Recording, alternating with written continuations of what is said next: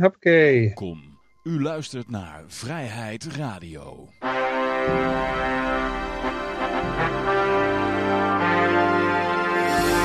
Ja, dames en heren, jongens en meisjes, dit is weer een nieuwe aflevering van Vrijheid Radio. Leuk dat u luistert. We zitten hier gezellig in Café Libertaria met Jossi en Peter. En mijn naam is Johan. En ik denk dat Klaas er ook zo bij komt. Dus, uh, Oh, dat komt goed uit. ja, Kan ik, eh, kan ik mijn schuld afbetalen aan hem. Oké, misschien Want Lucas ook de- nog. De e-gulden die is afgelopen weekend met 150% gestegen. Dus Zo. het wordt tijd dat ik iedereen zijn rekeningen nou snel voor doe. Voordat hij weer 30% onderuit klapt. Ja, ja, ja. En ik moet lidmaatschap nog betalen van eh, de LP. Ik kreeg van Ja. eh, een mailtje binnen vandaag. Dus Ja, die ja. heb ik ook. ja, ja, ja. Dat is goede timing, hè? Slimme timing. ja, en een mooi vandaag- gemaakt. Naar, de e-. Ja, naar de egels die we uit gaan delen. En je hebt het gehoord, die eh, is flink omhoog gegaan. Eh 10 egels zijn het eh, weg te geven. En hoeveel is dat in eurotjes? Ja, nou, dat is inmiddels 5 euro, denk ik. Wat? Wow. Ja. Hallo. We staan nou op een half euro. Dus we zijn halverwege, hè? Het heeft 10 jaar geduurd. We zijn halverwege, dus nou nog 10 jaar en dan staan we op een euro. Oké. Ja, dus je hoort het, het is 5 eurotjes weg te geven. Eh dat gaan we zo meteen de uitzending doen als het rad verschijnt. En dan eh, draai ik aan het rad. Maar op het moment dat het rad verschijnt, dan kun je uitroepteken Ron Paul in de chat eh, sturen. Ja. Eh, type bedoel ik, sorry. Ik zal wel even de egel de regen erbij halen, dan is het helemaal compleet. Dus ja, als je nog geen wallet hebt, hierboven zie je het adres, efl.nl. Vergeet niet alles op te schrijven, je, je PUC-code en je, je, de naam die je eraan geeft en noem maar op. Er komen nog een paar leuke nieuwtjes hoor binnenkort. Ja, oh, dus eh, Ja, kan ik nog niet zeggen. Maar het is namelijk nog niet definitief. Als het definitief is, dan deel ik het. Maar ik kan het op dit moment niet zeggen. er zit wat in de pijplijn. Ja, ik hoop dat we binnenkort ook weer op Ideal aangesloten zijn. Oké. Dat hebben we ook al een paar keer geprobeerd en dat werkt elke keer niet. Maar het is nou toch weer een andere tijd. Hè? Het is nou de Ja, corona is geweest en de mensen zijn toch ietsjes kritischer. Dus misschien dat het deze keer eh, anders uitpakt dan de vorige twee keer. Oké. En Ja, er zit ook nog eh, op een aantal exchanges nu, hè? Ja, ook dat. Ja, wat moet ik daarover zeggen? Daarvoor kan je het beste maar gewoon naar egulden.org gaan. Want eh, om die websites allemaal uit te spreken is lastig. Maar ze worden inderdaad... eh, mijn advies blijft Johan Komodo wallet. Oké. En dat is een decentralized exchange. Waar je vanuit de wallet over de blockchain peer-to-peer cryptomunten kan verhandelen met elkaar.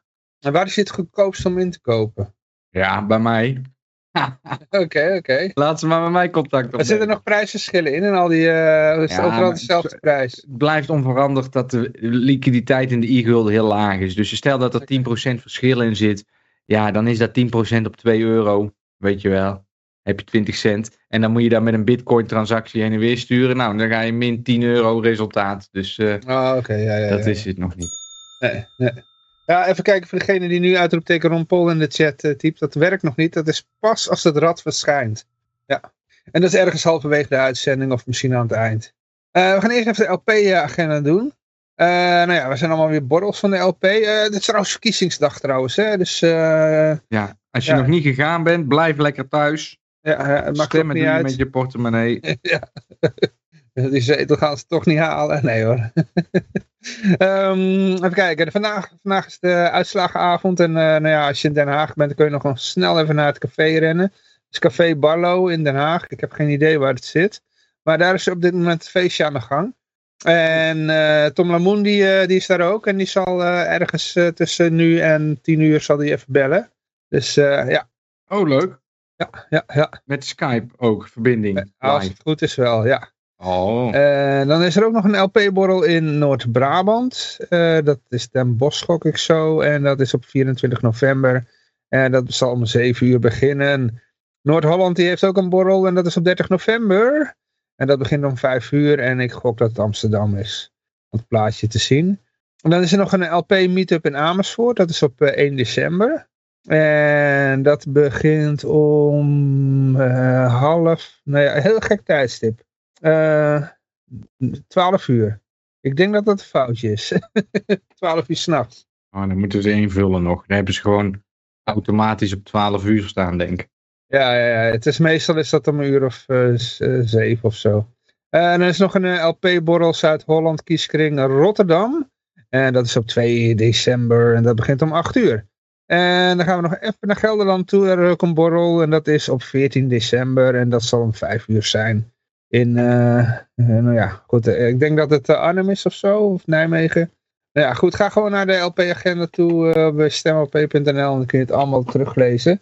En als je erop klikt, dan staan ook de exacte adressen, die staan daar. Kun je het allemaal zien. Um, gaan we even naar de koersen toe. Nou, DXY die is net ietsje omlaag gegaan. Die staat net nog op 104 een paar seconden geleden. Die staat nu op 103,91. En er wordt wat in de chat gezegd. Oh, nou, ja. we even lezen. Ja. Uh, dan hebben we nog de bitcoin. Die staat op 37.300. oh, hij springt omlaag. 287. Ja. Uh, nou, die is net iets omhoog gegaan. Een klein dipje, maar zelf gok ik even dat we de, de komende week even dat hij flink omlaag gaat. Maar ja, het is, het is mijn gok, hè? Ja, denk jij het? Want 1 januari is de datum, hè? We werken nu vanaf nu zijn we naar 1 januari aan het werken, want dat is nog uh, vijf weken te gaan. Ja, ja, ja. En jij zegt dus dat 1 januari een low wordt. Nee, niet 1 januari. Het is, zit december nog tussen. Ik denk dat hij echt een, weekje omlaag gaat. Om daarna naar de 4K te gaan. De, de 40 of 44k te gaan uh, zelfs. Maar dat is een gokje. Nou, het is, uh, ik weet niet gewoon, wie dat vertelt, maar... Nou ja, goed, het is uh, gebaseerd op mijn technische analyse, maar... Uh, 15% is het. Ja, ja. Maar, maar, ik denk dat hij even een zigzag maakt. En, uh, ja, nou, er zijn bijvoorbeeld, kijk, het is, om even wat over bitcoin te zeggen, in de afgelopen 48 uur Mm hebben, heeft Bittrex aangekondigd om te sluiten. Okay. Bittrex Global. Uh, alle klanten van Bittrex krijgen tot 4 december de tijd om hun uh, geld van de website af te halen. Jo. Ja. Dan heeft Kraken, hebben jullie dat uh, meegekregen? Nee, nee, nee. De Security and Exchange Commission van de VS, die heeft Kraken voor de rechter gedaagd. Voor het okay. illegaal opereren van securities. Ja. ja. En Vandaag, tenminste ja, minder dan 24 uur geleden moet ik zeggen. CZ. Uh, ja, hij is CZ opgestapt als CEO van Binance. En die hebben een boete van 4,2 miljard dollar aan de broek uh, gekregen van de SEC. Uh, die ze dus hebben geaccepteerd en die ze gaan betalen. Dus kun je nagaan hoeveel fees dat die binnenharken, jongen, met zo'n exchange. Ja, of hij is nou fractional reserve. Ja, dat kan ook. Maar ik dacht dat Binance heel erg van de transparantie is. En dat die allemaal, uh, hoe heet dat ook alweer? Proof of, um, Proof of reserve. Ja, mm. ja, dankjewel. Proof of reserve. En dat je altijd kan inzien wat hun hot... Maar ja, goed. Als je, als maar dan staat... moet zo'n uh, overheid ook het gevoel hebben gehad van hoeveel daar te halen viel. Uh. Dus we gaan ze aanklagen en je gaat de gevangenis in, mits je ons 4,2 miljard betaalt. En ja. dan weten ze waarschijnlijk wel... Weten ze precies hoeveel dat erop staat in zo'n beurs? 5,21 miljard heeft of zo. ja, misschien hebben ze ook wel een jaarrekening waarin gewoon staat onze jaarwinst was 4,1 miljard. mm. Of 4,3. Maar ik heb ook wel eens het idee, want nou gaan ze dus kraken en CZ, dus alle grote exchanges gaan ze, gaan ze aanvallen en lastigvallen. Ja. Ik denk dat, dat, uh, dat ze gewoon voor BlackRock bitcoins aan het ophalen zijn eigenlijk. Ja, uh, uh, ja en dat ze dus... Black, voor Larry Fink die heeft gebeld en zegt van kan die bitcoin koers wat lager? Mhm. ik wil kopen. Ja, maar dit is dus ook de manier die ik... Ja, maar dan moeten ze de eh, markt op gaan die dingen. Dat, dat zie ik nog eh. niet gebeuren. Dat lijkt er niet op tenminste. Uh -huh. Na de hebben wat slecht nieuws zodat dat allemaal daalt. Dat bedoel ik. Ja, maar het gaat, het gaat omhoog. Het daalt helemaal niet. Want het is, uh, het is kennelijk... Ja, als... niet het idee dat al die bitcoins gedumpt gaan worden. Ik kan even uitzoomen, maar ik, het volume is inderdaad ook niet echt toegenomen of zo sinds die, uh, sinds die aankondiging. Het was inderdaad wel even een dipje, maar om nou te zeggen, goh, wat zijn er toen veel bitcoins verhandeld op die dag, dat is ook niet zo. Dus de echte angst zit er niet echt in. Uh. Nee. Ik wilde nog zeggen, ik heb met uh, Bitcoin Pizza Dag dit jaar, was ik uitgenodigd op een bijeenkomst in Budapest. En toen zat ik daar met een hele zwik aan Bitcoin maxies. En die geloven dus allemaal dat je het Lightning Channel gaat gebruiken om uh, Bitcoin uh, te gebruiken. Um, de hele afgelopen week is een transactie van Bitcoin meer dan 10 euro geweest. Dat is nog te voorzien. Maar ik denk dat het eh, vrij snel is afgelopen met die lage transactiefee. En als zo'n ETF er komt, dan wordt een deel van dat geld, denk ik, afgeroomd. Dat kost ongeveer, nou wat zal het zijn? Nou, ik weet niet, maar in ieder geval, de, ze halen geld uit die ETF als kosten om gewoon heel de dag bitcoin transacties voor 100 euro per stuk uit te voeren. En dan is bitcoin volledig eh, niet meer te gebruiken voor de gewone gebruiker. Alleen dus de hele kleine club met gereguleerde exchanges die uh, hebben toegezegd alle gegevens van de gebruikers aan de overheid door te spelen. Die, die kunnen er nog wat mee. En ja. Dan gaat alles naar de EFL toe.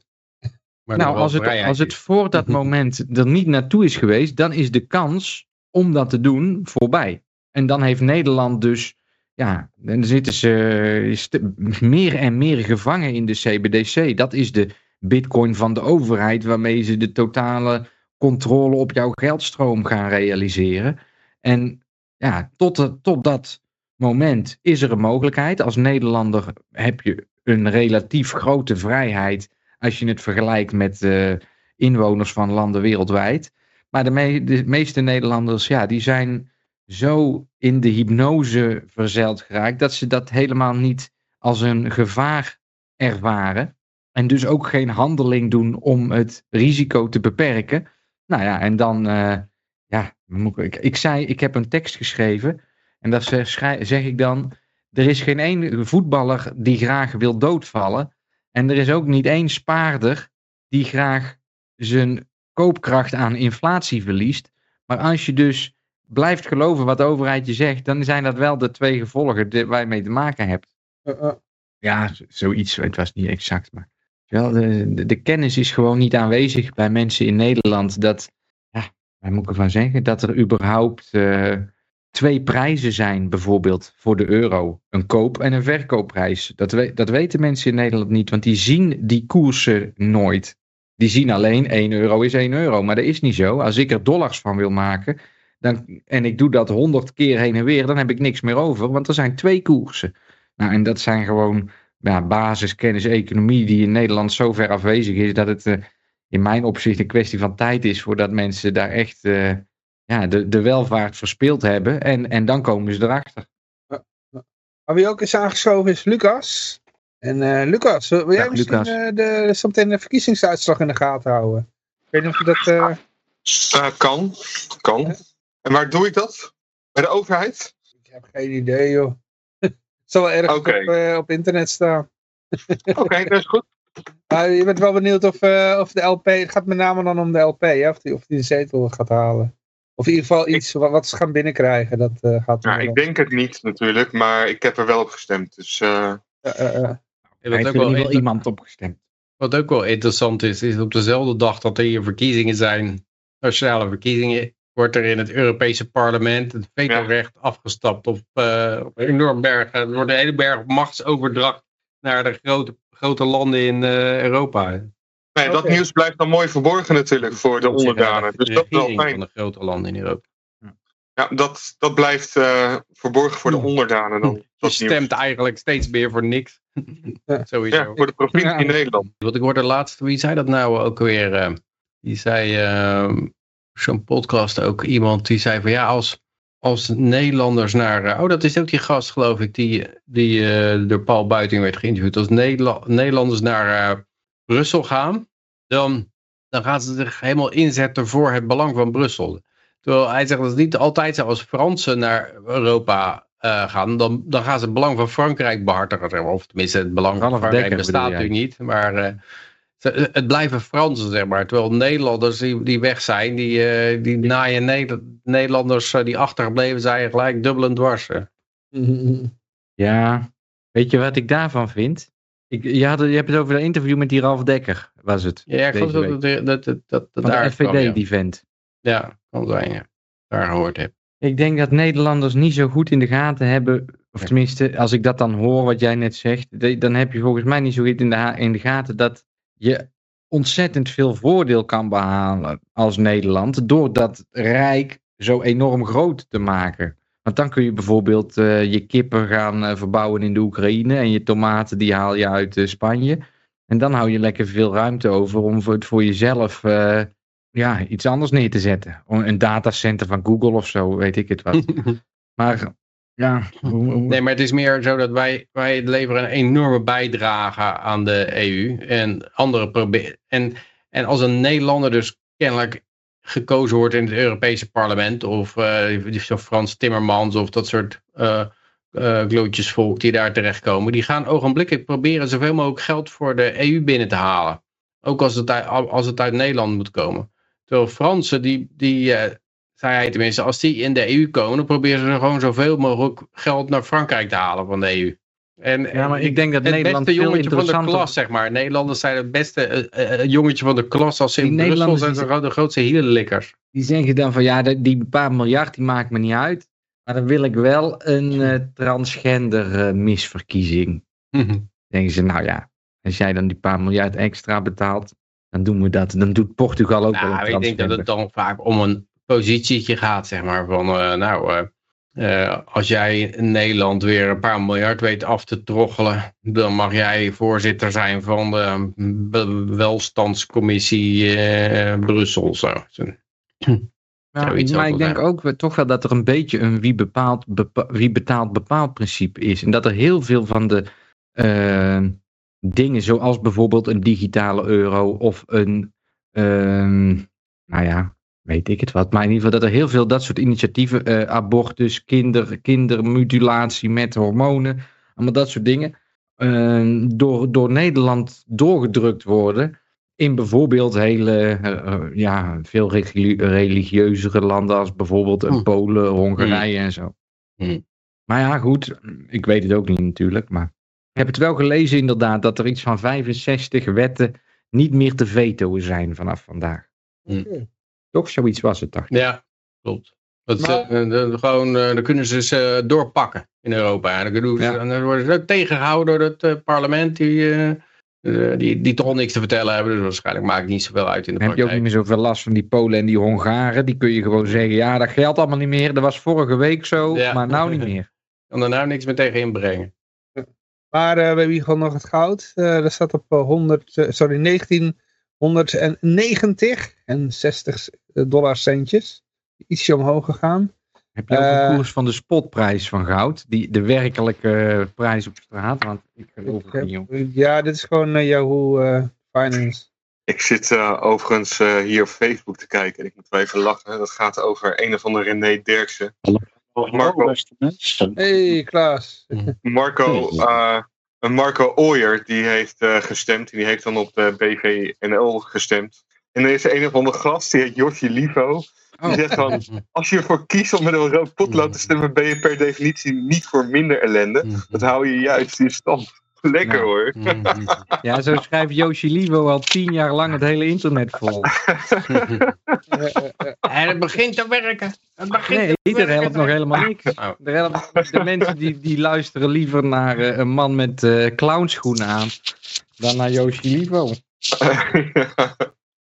Maar ik vind hem er gewoon lekker uitkomen, dankjewel. Ja, ik heb deze afgelopen twee weken. Ik, je zou eigenlijk uh, zou ik een soort openbare, openbare pagina moeten hebben van al mijn content die ik op het internet flikker. Want je wilt niet hm. weten wat ik af en toe voor, voor, uh, voor discussies heb met mensen. En die dan ook zeggen. Ik weet niet of dat er ook bij staat of dat dezelfde chat is. Maar dan zeggen die mensen, ja, want jij bent het probleem, want je stemt niet. En, uh, of, uh, je moet je muil houden. ja, en allemaal ja, je wil, ik krijg af en toe echt hele lelijke woorden. En ik noem dan wel dingen als loonslaaf en pedoclub en zo. Maar dat zijn meer algemene bewoordingen. Maar bij mij is het dan echt op de man. Hè? Want ik ben een nazi en allemaal dat soort dingen. En, ja, maar goed, dat, dat van die pedo, uh, pedo's en van die loonslaven, dat staat te ver van de mensen vandaan. Dat begrijpen ze niet. En, en daardoor schieten ze ook in een reflex dat ze denken, ik laat mezelf ook maar even gaan. Ja, ja, ja. Oh, ik denk dat ja, ze het wel begrijpen. Ja, het is wat dat betreft, ik, ik, ik heb ook hele mooie teksten er af en toe over hoor. En dan schrijf ik iets van, uh, ja, ik, heb, ik, ik, ik vind mijn eigen redenatie altijd best wel logisch. Maar ja, ja daar hebben ja. wel meer mensen last van, denk ik. Ja, uh, maar in ieder geval de, de prijs van, uh, van een ruwe vat olie is 76 dollartjes en 91 dollar centjes. Ja. Oh, jullie zijn nog gewoon een normale uitzending aan het doen. Je maakt Ja, ja, ja, ja, ja, ja. boeken Oh, langzaam ik dacht dat het eh, uit, eh, uitslagenavond zou worden. Ja, dan gaat het, eh, gaat het zo meteen begi- beginnen om 9 uur, hè? We hebben nog niks. Ah, oké. Heb jij de uitslag van Lutjebroek al, eh Klaas? Hier hebben we Ik, Klaas live uit Lutjebroek. In Lutjebroek wordt er gewoon nog gestemd hoor. De stembureaus zijn nog open. Oh ja. Ja, 9 uur begint het pas. Eh, er zijn mensen die eh, nu al uh, uitroepteken Ron Paul intypen. Dat, eh, ja, daar ga je niet ver mee komen. Dat kan pas als het rad tevoorschijn komt. Ik hoor allemaal bijgeluiden. Maar dan, eh, dan is het ook maar de vraag wat gaat gebeuren, Johan. Ja. Als jij dat eh, gaat proberen te doen, dan eh, gaat het helemaal mis. Oeh, ik, Ik hoor denk dat allemaal Klaas, eh, Klaas moet is aan het joggen volgens mij. Ja, ik denk ik ga even naar buiten. Want eh ik krijg het eh, lekker weertje voor Ja, goed plan. Ja, we horen het. radio uitzending. Wacht even. Ik krijg er bijna, ik vat er bijna een kou van, van die wind. Ja. Zo. Maar eh, we gaan af, Oh. even beginnen met de berichten. En zometeen dan horen we... Oh, trouwens, Lucas, je kan het ook op teletext volgen nog. Ja, staan het ook op, de uitslagen. Nou, oké. Ja, ja. Johan, jij wordt er gewoon over een uur gebeld door Tom van Lamoen. ja dan weet je het toch. binnen is. Dan weet je het toch. Ja, maar goed, die gaat niet de hele, hele tijd eh, natuurlijk eh, hier. Ik heb eh. trouwens ook nog mijn stem uitgebracht. Ik heb op Antifa gestemd, jongens. Oh, Ik oké. heb er lang over nagedacht, maar ik dacht toch, ik stem Antifa. Kunnen zo heerlijk Oh, je was in een fascistische bui. Ja, nee, ik kon kiezen eh, blond of donker. En toen eh een Antifa Ze geopend. hadden een leuk fotootje van een hond hadden ze in de, erop eh, gezet. Ja. Maar daar gaan we het zo meteen over hebben. We gaan eerst even over eh, eh, Nederland eh, langer in recessie door krimp eh, derde kwartaal. Ja, ja Ja. De, de, de munt van Nederland is nog steeds de euro. En daar hebben alle mensen vandaag weer een goedkeuring aan gegeven door te gaan stemmen. Zo, zo redeneer ik dat. Nee, als je een paspoort hebt, zeg jij, dan ben je al... eh, ja, als je je paspoort ondertekent, als je je paspoort ondertekent, dan accepteer je dat je Nederlander bent. Als je en op vakantie Nederlanders, wil, dan ben je gewoon eh, dan ben je schuldig. Nederlanders hebben een economie in euro's. En als je dus in euro's gaat rekenen, ja, dan is het behoorlijk depressief wat je allemaal tegenkomt. En dus zit Nederland in een recessie. Ik denk dat het voornamelijk ook te maken heeft met, eh, met de Duitse economie die heel erg aan het afnemen is. Hm. Maar ja, Maar dit is geloof ik al, dit is het derde kwartaal op rij dat de economie is geslonken. Dus het gaat gewoon al drie kwartalen al- gaat het, op, gaat het omlaag. eh. Dus eh, je ja, zou het haast zeggen dat er een shockwave komt op de verkiezingen vandaag. Maar eh voelt er niet zo aan. eh, Peter, het zijn wel hele kleine cijfers hoor. 0,2 procent op een kwartaal. Maar Ja, Ja, dan is het ook nog de vraag, dit is natuurlijk ook gecorrigeerd dan voor inflatie meestal, doen ze dat.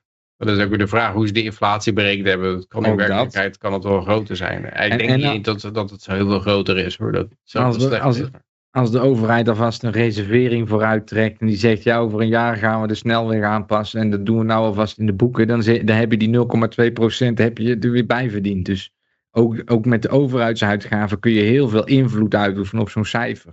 Ja, je kan een heleboel geld gaan lenen en het daar rond gaan smijten. En dan eh, groeit de economie zo aan hand. Ja, of gewoon al eh, vooruit boeken, zeg maar. Dat je voor over een jaar alvast in de kosten meeneemt en dat soort dingen. En, eh, maar goed, ja. Je over een andere periode afschrijft. Eh, Ik, ik vind dus 0,2%, ja, nou. hm. Ja, het is, ah ja, als je het vergelijkt met de coronadip van een min 8% of zo, dan is het niet zo schrikbarend. Nee, maar De Great, dus- Financial Crisis was 4%, maar het gaat natuurlijk heel hard naar beneden toe. Er was een, was, je had een corona had je een paar keer eh, negatief, één keer min 8 en, eh, en min 3 en eh, nou ja, een paar, paar kwartalen. En toen daarna op eentje, eentje van de plus 11,8. Maar je ziet net duidelijk het dalen aan de trend is. En het is maar de vraag waar dat eindigt. Eh, Ja, dat, dat- is waar. Dat ben ik mee eens. Want er Eh. zijn nu een heleboel bedrijven net failliet gegaan in de Ja. afgelopen er maand. zitten er nog een heleboel in de pijplijn die failliet gaan. eh. maanden, twee maanden. Hm. Maar ja. ja, dat is ook zo. Het is, het is maar een tussendoorcijfertje. Nou, het, is, het is eigenlijk iemand die van een flat afvalt. En het zit nou ongeveer bij de nul. En het, nou, het gaat eigenlijk nog best, eh, best eh, oké. eh. Dat alles zegt ook niet genoeg. Kijk, het is zoals je, ehm, zeg maar, als eh, geld naar eh, niet eh, effectieve of zeg maar naar niet vrijwillige doelstellingen wordt geschoven. Dus de overheid geld schuift wat eigenlijk natuurlijk niet zo, zo stromen. En daar worden dan diensten of goederen mee aangeschaft die anders niet aangeschaft zouden worden. dan kun je wel op min 2 uitkomen. Maar die min 2 is dan ten opzichte van een andere periode, meten ze dan een soort groei.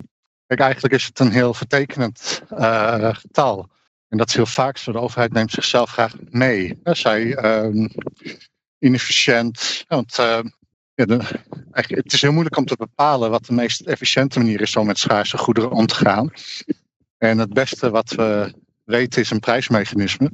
Waarbij gewoon alle belanghebbenden ja, kunnen uitdrukken hoe graag ze welke prioriteit willen uitdrukken aan welke schaarse goederen. En de overheid is daar een uh, ondermijnende kracht in, omdat ze dan zeg maar uh, keuzes maken die niet optimaal zijn volgens dat systeem. Mhm. Maar als je op min 2 staat, dan is dat misschien ten opzichte van een soort nul, waar ze zelf nog steeds onderdeel van uitmaken. Maar het zou heel goed een min 50 kunnen zijn. Ja, ik ten opzichte van hoe effectief een economie kan zijn als het niet wordt uh, onder, ondermijnd. Ik lees hier nu, Klaas. Uh, uh, de overheid gaf in het derde kwartaal meer geld uit, maar dat kon Nederland niet uit de recessie trekken. Dus ze hebben wel hun best gedaan, om het maar zo te zeggen. best gedaan. Uh, ja, dat is. Uh, dat, ik heb ook wel eens met een politicus in een debat gezeten en die had het erover dat de overheid investeert. Oh jee. En het, het vervelende daarvan is dat zij. Um, kijk, geld, want het wordt vaak uitgedrukt in geld. En geld is uh, eigenlijk een soort uh, hulpmiddel. Het is op zich geen verkeerd hulpmiddel. Zelfs een valuta die, kan, uh, die inflatie kan hebben, hoeft niet beslist een ongewenst hulpmiddel te zijn. Maar het, is wel een, het helpt je wel om het beeld te vertekenen. En wat het, ja, het, het, hulpmiddel is om zeg maar schaarse goederen met elkaar te kunnen ruilen. En die schaarse goederen, als je die effectief aanwendt, dan en vrijwillig, dan moet je waarde voor waarde geven. Dus dan als iemand wil investeren en die wil bijvoorbeeld 100 investeren, in wat voor eenheid je maar wil, dan zal hij eerst iets van 100 moeten bieden aan waarde waardoor die die middelen kan vergaren, die 100. En um, de overheid doet dat niet. De overheid biedt geen waarde voor waarde. Het is wel zo dat uh, mensen zoals het onderwijs of zorg, dat zou waarschijnlijk ook bestaan als er geen overheid was. Maar heel veel mensen de overheid die bieden geen tegenwaarde, dus dat is, die onttrekken alleen maar. En dat onttrekken en dat, vervolgens wenden ze dat dan aan. Dus ze bieden geen tegenprestatie voor, de, voor het geld dat ze onttrekken. En dan wordt het aangewend aan, een, aan iets waar niet voor is gekozen. Dus waar het prijsmechanisme van zegt, dit heeft geen waarde of niet genoeg waarde. En op die manier kan je veel meer verliezen dan je uit dit soort cijfers kunt afleiden. En dat je maakt per definitie maak je mensen ongelukkiger. Omdat je, uh, als je ze als ze vrijwillig hun geld zouden uitgeven, dan geven ze het daaraan uit waar ze het meest gelukkig van denken te worden. Maar als ze gedwongen worden, dan, dan wordt er een andere prioriteit gesteld door de dwinger, de, de overheid in dit geval. En die, die dwingt ze dus eh, nummer 6 op hun lijstje van prioriteiten te kopen, waardoor ze per definitie ongelukkig worden. Dus elke euro die je belast wordt en die de overheid voor jou uitgeeft, daar word jij iets ongelukkiger van dan je was geweest als je hem zelf had mogen uitgeven. Nou, ik weet niet of het precies met geluk te maken heeft. Kijk, ik ja, vind wat, dat vrijheid, wat geluk, eh, eh, geluk, is natuurlijk dat, of je geluksverwachting in ieder geval. Dus het is, je hebt een, uh, volgens Mises... mee dat volgens, mensen hun vrijheid gebruiken om te worden. Volgens Mises, volgens Mises heb je zo'n interne waardeschaal, waarbij je de, de, de, het punt waar je het meest gelukkig van wordt, dat staat op nummer 1. Die zou je het liefst voor je ja. omwisselen. En waar je het nee, dat is daarna soort, het meest gelukkig van wordt, uh, je, je, uh, staat op nummer 2. Is, en, en het, is niet, het, is niet, het is niet zo dat je van nummer 1 twee keer zo gelukkig wordt of 1,3 keer zo gelukkig als die tweede. Maar het is, het is ordinal. Hè? Het gaat om de volgorde. Het is alleen maar de, ja, volg ik denk dat de mensen volgorde van de in staat zijn om door een zure appel te bijten. Ik denk wel degelijk dat mensen in staat zijn om bestedingen te doen die niet daadwerkelijk direct het meeste genot uh, voor te brengen. Ja, dus ik ben niet van mening dat het direct is. Uh, het staat nergens dat het op dat moment is. Het is ook een investering doen voor een opleiding die over vier jaar vruchten afwerkt. Dat kan ook bovenaan je lijstje staan. Hey, ik denk dat is er. een onderdeel van, uh, van vrijheid juist is dat je ook eh, dingen verkeerd mag doen. Dus dat je juist eh, ellende mag ervaren en daarvan Dat zit er eh, ook de bij vruchten mag plukken, zeg maar. Het zegt niet dat dat di- ding bovenaan jouw lijst, dat je daar ook het meest gelukkig van zal worden. Maar het is meer dat je er gelukkig van denkt te worden. Maar, er is iemand Daar aangeschoven. is die. Daar is hij. De lijsttrekker Hey. van de Libertaire Partij. De roerganger van de Libertaire Partij. Klaar om premier te worden. Ja. Tom, hoor ons. Tom, tel. Benieuwd. Kun je niet mij horen? Ja, we horen je. Yes. En eh, alle omgevingslawaai Ja, ik ben hier wel in een eh rumoerige achtergrond natuurlijk, maar eh, ik hoop dat jullie het kunnen horen. Ja, Ja. ja. Heb je goed Ja. nieuws, Tom? Ja, we hebben hier in een zaaltje hebben net eh, gewoon de NOS aanstaan geloof ik. Ik zag net dat er over een, eh, een kwartiertje komt de eerste exit poll. Spannend. Oh. Ah, ah, ah. Nou, ben benieuwd. Wat, wat heb je er zelf voor gevoel bij? Ja, ik heb wel echt een heel goed gevoel, maar ja, het blijft heel erg moeilijk. Hè. Ik hoop dat we zo richting een halve zetel zullen gaan, maar ja, je weet niet wat er kan gebeuren. Dus het is eh, echt wel heel gevoel dat we veel grotere zichtbaarheid hebben dan ooit. Hè. Je kijkt toch, eh, ja, 300.000 mensen op voor Nederland, heel veel mensen naar Blackbox, et cetera. Ik ben toch wel veel eh, bij plekken geweest, eh, waar veel goede reacties op gehad. Dus Ja. het, is heel, het is heel onzichtbaar eigenlijk, dus ik weet het niet. Argentinië heeft misschien ook nog wat eh, meegespeeld. Ja, ik denk dat... eh, Nou, denk ja, je dat dat... eh, eh, 56% van de mensen die daarop stemt, dat is wel even een aardverschuiving. Zeker. Ik, mocht ook nog even bij, eh, gisteren, even- of maandag, mocht ik even bij Blackbox inbellen om over Milijn te praten. Had ik mijn kettingzaag bij me. Even een leuke shot. Heb je hem nu ook bij je? Nee, nu heb ik het niet bij me. Ik denk, dus, eh, mag ik hier eh, in een hotelletje hier in Den Haag, dan word ik opgepakt. Oké, oké. Ja, oké. die, ik zag die commentator, die, die, die econoom die erbij zit, Atje of zo heet die geloof ik, die, eh, die zat er weer een aantal keer eh, flink naast. eh. Hij zei ja, ja, het is nog nooit eerder gebeurd dat een libertair, een libertariër de, de ver- verkiezingen gewonnen heeft. En een tijdje later zei hij van, ja, de geschiedenisboekjes laten zien dat, eh, dat het niet altijd even goed uitpakt. Ja, eh, geschiedenisboekjes van wat dan, als dat nog nooit eerder gebeurd is. Nou, ik zag zelfs op, eh, nou ja, we hadden het eigenlijk kunnen weten. Ik zag op Twitter dat eh Inverse Kramer, die zei dat, eh dat Milijn nooit president ging worden. Dus Ja, daar Ja, eigenlijk Cramer. Wat zei hij over, over Tom weten. Nou ja, daar heeft hij niks over gezegd helaas. Maar ja, toch, hè, weet je, kijk, het was twee jaar geleden in Amersfoort, dus voor de gemeenteraadsverkiezingen, waren er ook allemaal peilingen. Zelfs eentje van eh, Maurice de Hond. En daar werden wij helemaal niet in benoemd. Hè. En zelfs, ehm, ja, Zwarte Piet is Zwart, een kleine partij. En Jezus Leeft werd natuurlijk wel benoemd. Maar allemaal dat ze ja, 0,1% van de stemmen gingen halen, niet in de buurt zouden komen. Maar wij stonden niet eens op de lijst en we hebben toch anderhalve zetel gehaald. toen. Dus het zegt helemaal niet alles. Ja, er was ergens een peiling met een meer dan een zetel, geloof ik. Hè? Voor de Ja, ook, ook bij, ja, het was bij Maurice de Hond. Als je dan zeg maar intern doorklikt, dan kan je aan het einde kiezen van ik zou, als het nu de verkiezing zou zijn, zou ik op die partij stemmen. En daar stond toen opeens de Libertaire Partij tussen. En dat betekent dat als je daar opeens in het lijstje staat, dat je niet bij anderen zelf hoeft in te vullen, betekent het wel dat je richting een halve zetel gaat. Hmm. Dan, dan, dan neemt Maurice je daarin op. Dus eh, het is wel eh, een hele grote groei in ieder geval. Ja, je zou zeggen, er is toch wel eh, duidelijk dat er wat verandering nodig is. Maar misschien moeten we naar Argentijnse toestand toe gaan. Met eh 100% inflatie of zo eh, per, per week. En dan, eh, dat komt wel goed. Ja, dat het dan is van, eh, oké, nou, eh, nou moeten we echt het, eh het Nou, ket- wat- kettingzaag erin. Wat dat betreft eh, is de e-gulden afgelopen week verdubbeld. Dus die hyperinflatie tikt lekker door. Je moet alleen je economie basispunten verleggen naar een ander systeem, maar verder. Zo, Is dat, eh, hoeveel partijen hebben ze in Argentinië? Ja, ik weet niet meer. Ze hebben van die, van die rondes waar steeds meer mensen uitgeschakeld worden, toch? Dat zie je dat snap ik. Maar eh, ze- er zijn ook eh, verkiezingen op weet partijen geweest, toch? Ja, ik weet dat hij geen meerderheid heeft in het eh, parlement of zo. eh. dus dat wordt nog wel lastig. Ja, daar ben ik ook niet mee eens. Uh, Joh, Sowieso is, sowieso is hij dan de, de leider van een soort van factie ook. Hè, waar ook andere partijen bij zitten. Ook meer conservatieve partijen, dacht ik. uh, uh. Hm. Ja, laten we er maar gelijk over hebben, joh. Ik bedoel, eh, we hadden het bericht eh, wat voor wat later gepland.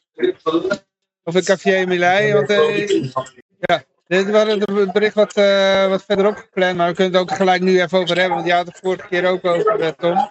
Dus wat ging er door je heen toen een Café won? Toen ABM Milij won. Ja, Ja. dat was wel echt super natuurlijk. We dachten eerst al dat hij, dat hij gewoon de eerste verkiezingen best wel dik zou winnen. Want toen stond hij op de peilingen 75% of zo. Hè? Ja, ja, En toen, toen was hij opeens dat hij ging verliezen. Tenminste, dat hij, dat hij tweede stond. Maar toen zag je wel dat. eh, de, toen waren ze met z'n drie in de verkiezingen. En diegene die afviel, daarvan dachten we wel dat al die stemmen naar Milij zouden gaan. Dus dat zag er nog steeds heel goed uit. Maar dat, hij- dat hij nu gewoon echt won, is natuurlijk wel, ja, is wel superleuk. Ik denk dat het gewoon, ja, voor de naamsbekendheid van libertarisme over de hele wereld is het echt super belangrijk. Je zag het in alle Nederlandse media langskomen. Ja, maar overal staat er dan weer extreem rechts. Hè? Dat is Ja, tuurlijk. Maar, is ja, rechts man. dan Bolkestein. maakt niet uit. De, de, dat, dat nemen mensen zich ook niet echt meer serieus tegenwoordig. En ze zien wel dat het, eh, ja, ja, het wordt wel gelijk vergeleken met Trump en zo. Terwijl, dat, dat is natuurlijk ook totaal niet zo. Maar ja, ik weet niet. Slechte reclame is ook goede reclame. Maar er waren ook wel libertariërs die wat kritiek op hadden. Omdat hij, eh, hij is ook er- ergens gespot met een Israëlische vlag. En ehm, Ja, Ja, hij steunt Oekraïne en hij eh, wil Ja, hij, is, hij, hij, is, hij is boycotten. zelf gewoon eh, zwaar christelijk ook. Hè? Kijk, Argentinië eh, is gewoon heel seculair. Dus, dus dat, dat heeft er ook een beetje mee te maken. En ik, ja, kijk, ik weet niet hoe, hoe hij denkt. Kijk, hij heeft een Israëlische vlag en hij, hij staat achter het zelfverdedigingsrecht van Oekraïne. Maar dat betekent niet natuurlijk meteen dat hij ervoor is dat, dat die landen maar oneindig wapens gestuurd moeten worden. Er zit ook nogal wat balans in. Ja, hij zei ook, hij wilde niet met, hij wilde niet alleen niet zaken doen met China of zo, want dat was eh, communistisch of eh, dat- eh, ja, een paar van dat soort eh, dingen. Daar, gaat hij niet over, neem ik aan. Nee, als, er, als er onderdaden zaken willen doen met, eh, eh, dan, dan mag hij dat niet verbieden. En, eh, als hij echt enkep Nee, is, dan, dan ja, als, als, als hij echt enkep is, dan maakt zijn standpunten over een heleboel dingen eigenlijk helemaal niet uit. Nee, zeker. En, en dat, dat is natuurlijk wel een beetje tegenstrijdig inderdaad. Dat hij ook, ja, zijn, zijn christelijke waarden, ook, ook tegen abortus en zo, dat, dat zit er wel in. Maar ondertussen is hij wel aan de kant. Dat- Ja, ik weet ook niet hoe het helemaal precies zit. eh. Dat vroeg inderdaad sommige libertariërs zich af. Van, eh, hoe zit dat nou? Ja, ja het, is, het is een beetje vaag. Ja, er werd ook nog, natuurlijk, er werd ook nog bijgehaald dat eh. Jongens, hallo. we Heyo. Zijn jullie live? Ja, zijn live. live. Ja, ja, ja. ja. Oh, live. Hoi, hoi. Ja. Eh, ik wilde wat zeggen. Oh ja, er was, kwam ook nog naar boven de dingen uit zijn verleden. Dat hij, eh, hij is zelfs bij het weg geweest. En eh, ook in een panel gezeten. Dus, eh, ja, Ja, maar dat, dat was dus ook, dat, dat heeft hij zelf al ja, heel, heel vaak, die punt in ieder geval. Want hij is dus, het is echt meer dan tien jaar geleden was hij daar geweest, maar dan niet, niet vanuit de politiek. Toen was hij economisch adviseur voor een bedrijf. Ja, en, World Economic Forum is natuurlijk wel gewoon een lobbygroep waar al die bedrijven sowieso heen gaan om invloed te krijgen. Dus daar was hij vanuit het bedrijf aanwezig. Maar hij heeft zelf gezegd dat hij nu, ja, dat hij als eerste alle banden met het eh, World Economic Forum wil verbieden ook, zeg maar. Ja, kan je ook op Twitter gewoon vinden in zijn eigen berichten dat hij dat nu afzweert, zeg maar. ja, goed. Ja, la- laten we hopen. We, blijven het volgen. Met eh, veel eh, interesse. Eh, heeft hij al iets mogen doen in Argentinië? Of is dat nog vroeg? Hij eh, moet natuurlijk eerst nog beëdigd worden, denk ik. Hè? Ik, eh, het is een beetje rumoer hier, ik kan, ik kan niet zo goed meer verstaan. Oké. Ja, oké. Johan vroeg of hij, eh, of hij al wat heeft mogen doen, maar hij moet nog natuurlijk eerst beëdigd worden. Voordat, Ah, ja. hij, eh, voordat hij wat kan gaan doen. Nee, natuurlijk, ja, het duurt altijd even. Hm. In Weet je, weet je wanneer zijn beëdiging is? Wanneer hij zijn eerste eh, dingetje kan gaan doen? Ik heb geen idee, maar ik zag wel dat hij gelijk, hij heeft hij gelijk gezegd dat het, eh, het ministerie van eh, Vrouwen, Gender en ehm LGBTQ, dat, dat, dat ministerie heeft hij gelijk gezegd, oké, jullie hebben 21 daarna, jullie hebben 21 dagen, daarna is het opgeheven. Oh, Oké, nou dan weten we ongeveer hoe lang het duurt voordat hij in actie komt. Ja, en, maar op zich in het, januari wordt hij beëdigd. Ah, ja, ja. Ja. ga jij het ministerie van stikstof afstaffen, eh, afschaffen, Tom, eh, als je, als je premier wordt? Wat zit er dan? Ja. Het ministerie van stikstof kan hier wel afgeschaft worden, denk ik, in Nederland. ja, natuurlijk. Zeker. En, eh, Hm. ja, ik, Om te beginnen. Nou goed, we kunnen ook nog een keer een actie gaan doen waarbij we... Oh, Tom, wat zei je? Ik ben zelf heel erg tegen het ministerie van Onderwijs natuurlijk, maar dat is misschien Ja. Ik ben tegen ieder ministerie. Ja. Ja, met Nou goed, we kunnen... Ja? Nee, Lucas, ga maar. Ja, we kunnen na de verkiezingen wel alvast tot sluiting overgaan. Want dit ministerie wordt alvast gesloten. En man, ik, eh, ik moet weer even verder. eh. Ja, Dankjewel. Even een fijne avond. oké. Hoi hoi, Succes. groet aan iedereen daar. Zeker. Houdoe. Nou mensen, eh, hoe lang nog voor de eerste uitslag? Dat stembiljet, dat is trouwens wel enorm, hè? Is Ja. Als je daar een stukje af mocht scheuren, dan, eh, dan kon je gewoon eh, een avondje de haard mee, mee, de huiskamer mee warm houden. Ja, eh, ja zeker. Eigenlijk moet je hem gewoon ophalen en dan weer meenemen. Zo. Het is voor de open haard. Rechtop. Echt, Hm. eh, niet alleen 22 partijen, maar een hele bergen kandidaten voor. Dat is, dat is een eh, heel tapijt, ja. Behoorlijk. eh, eh, eh. Maar eh, de vraag is, hoe lang, want volgens mij, Lucas, jij hield het in de gaten, hè? Hoeveel minuten nog tot de eerste uitslag? Ja, tot de eerste. eh, nog een kwartier. Nog, een- nog steeds een kwartier? Ik, Oké. Zijn ze tot 9 uur? Ik de ging stem, stemmen, eh, de daar waren stem, alleen, waren alleen biljarden. Oké. Ik zag, eh, ik zag geen jonge mensen stemmen. En ik had ook makkelijk weer weg kunnen lopen met dat formulier. Dus dan kun je wel registreren dat je bent gearriveerd. En dan gewoon niet dat, eh, die stem daadwerkelijk uitbrengen. Dat was, Oh, eh, ja, dan word je een spookstem, hè? Ja. ik weet niet, wat gebeurt er dan? Eh, dan ben je een spookstem. Spookstem Een soort ze dat. discrepantie tussen eh, ja, verstrekte Eh, documenten en getelde documenten. Daar is er nog lang zoeken? Of, eh, Nee, dan word je een spookstem. Eh, er was eh, Ja, gemiddeld in Amsterdam, weet ik bijvoorbeeld, dat er altijd wel 800 mensen zijn die zoiets doen. Want ik heb een keertje gekeken en toen, toen eh, geloof dat Amsterdam de, degene was met de meeste spookstemmers. mhm. Dus, ja. Maar het kan ook bijvoorbeeld wel eens door een telfout komen hoor. Dus het is, men, men moet dat dan uitzoeken en wat is hier nou gebeurd en dan wordt alles herteld. En, ja. Maar er zijn gewoon Ik mensen die het, eh, ja, die het invullen en dan vergeten in het gleufje te stoppen, weet je wel. De LP had de vorige keer eh, had, eh, minder dan 6000 stemmen, toch? Zoiets, ja, ik heb geen idee meer Ja. eigenlijk. ik heb er geen denk, actieve zeg maar- herinneringen. Nee, ik geloof zoiets. Maar ik, ik denk dat het aantal ehm, mis, misgetelde stemmen, ik denk eh, gewoon menselijke fout zonder oorzaak, ik denk dat dat wel rond de 100.000 kan liggen. Ja, ja. Ehm, maar, even kijken, dan kunnen we nog even een, een berichtje doen. Oh, wacht. Dat was een kwartier geleden. Uh, om, om 9 uur, dus zou nu moeten komen. Nou, Ik heb hem Oké. hier. Oh, je, je Ja, binnen. Ik Trommel kijk erop. op de nos.nl staat hij. Ja? Staan we, ik hem- staan we, in de, staan we op het eerste velletje? LP staat er niet tussen. Ah, Oh, niet eens eh, genoemd. Ik kan Welke nog wel plaats meer gaat het om? Nee, niet eens genoemd. Nee, dit is eh, een, een Tweede Kamer algemeen. Hè. Het is gewoon in zijn volledigheid. oh, oké, oké. Eh, we wel een lagere opkomst zie ik hier. eh, Dus het is eh, kennelijk het aantal niet-stemmers het blijft toch toenemen. holy Wat is de opkomst? Nou, zeg de 66%. opkomst tot 1945 66 procent.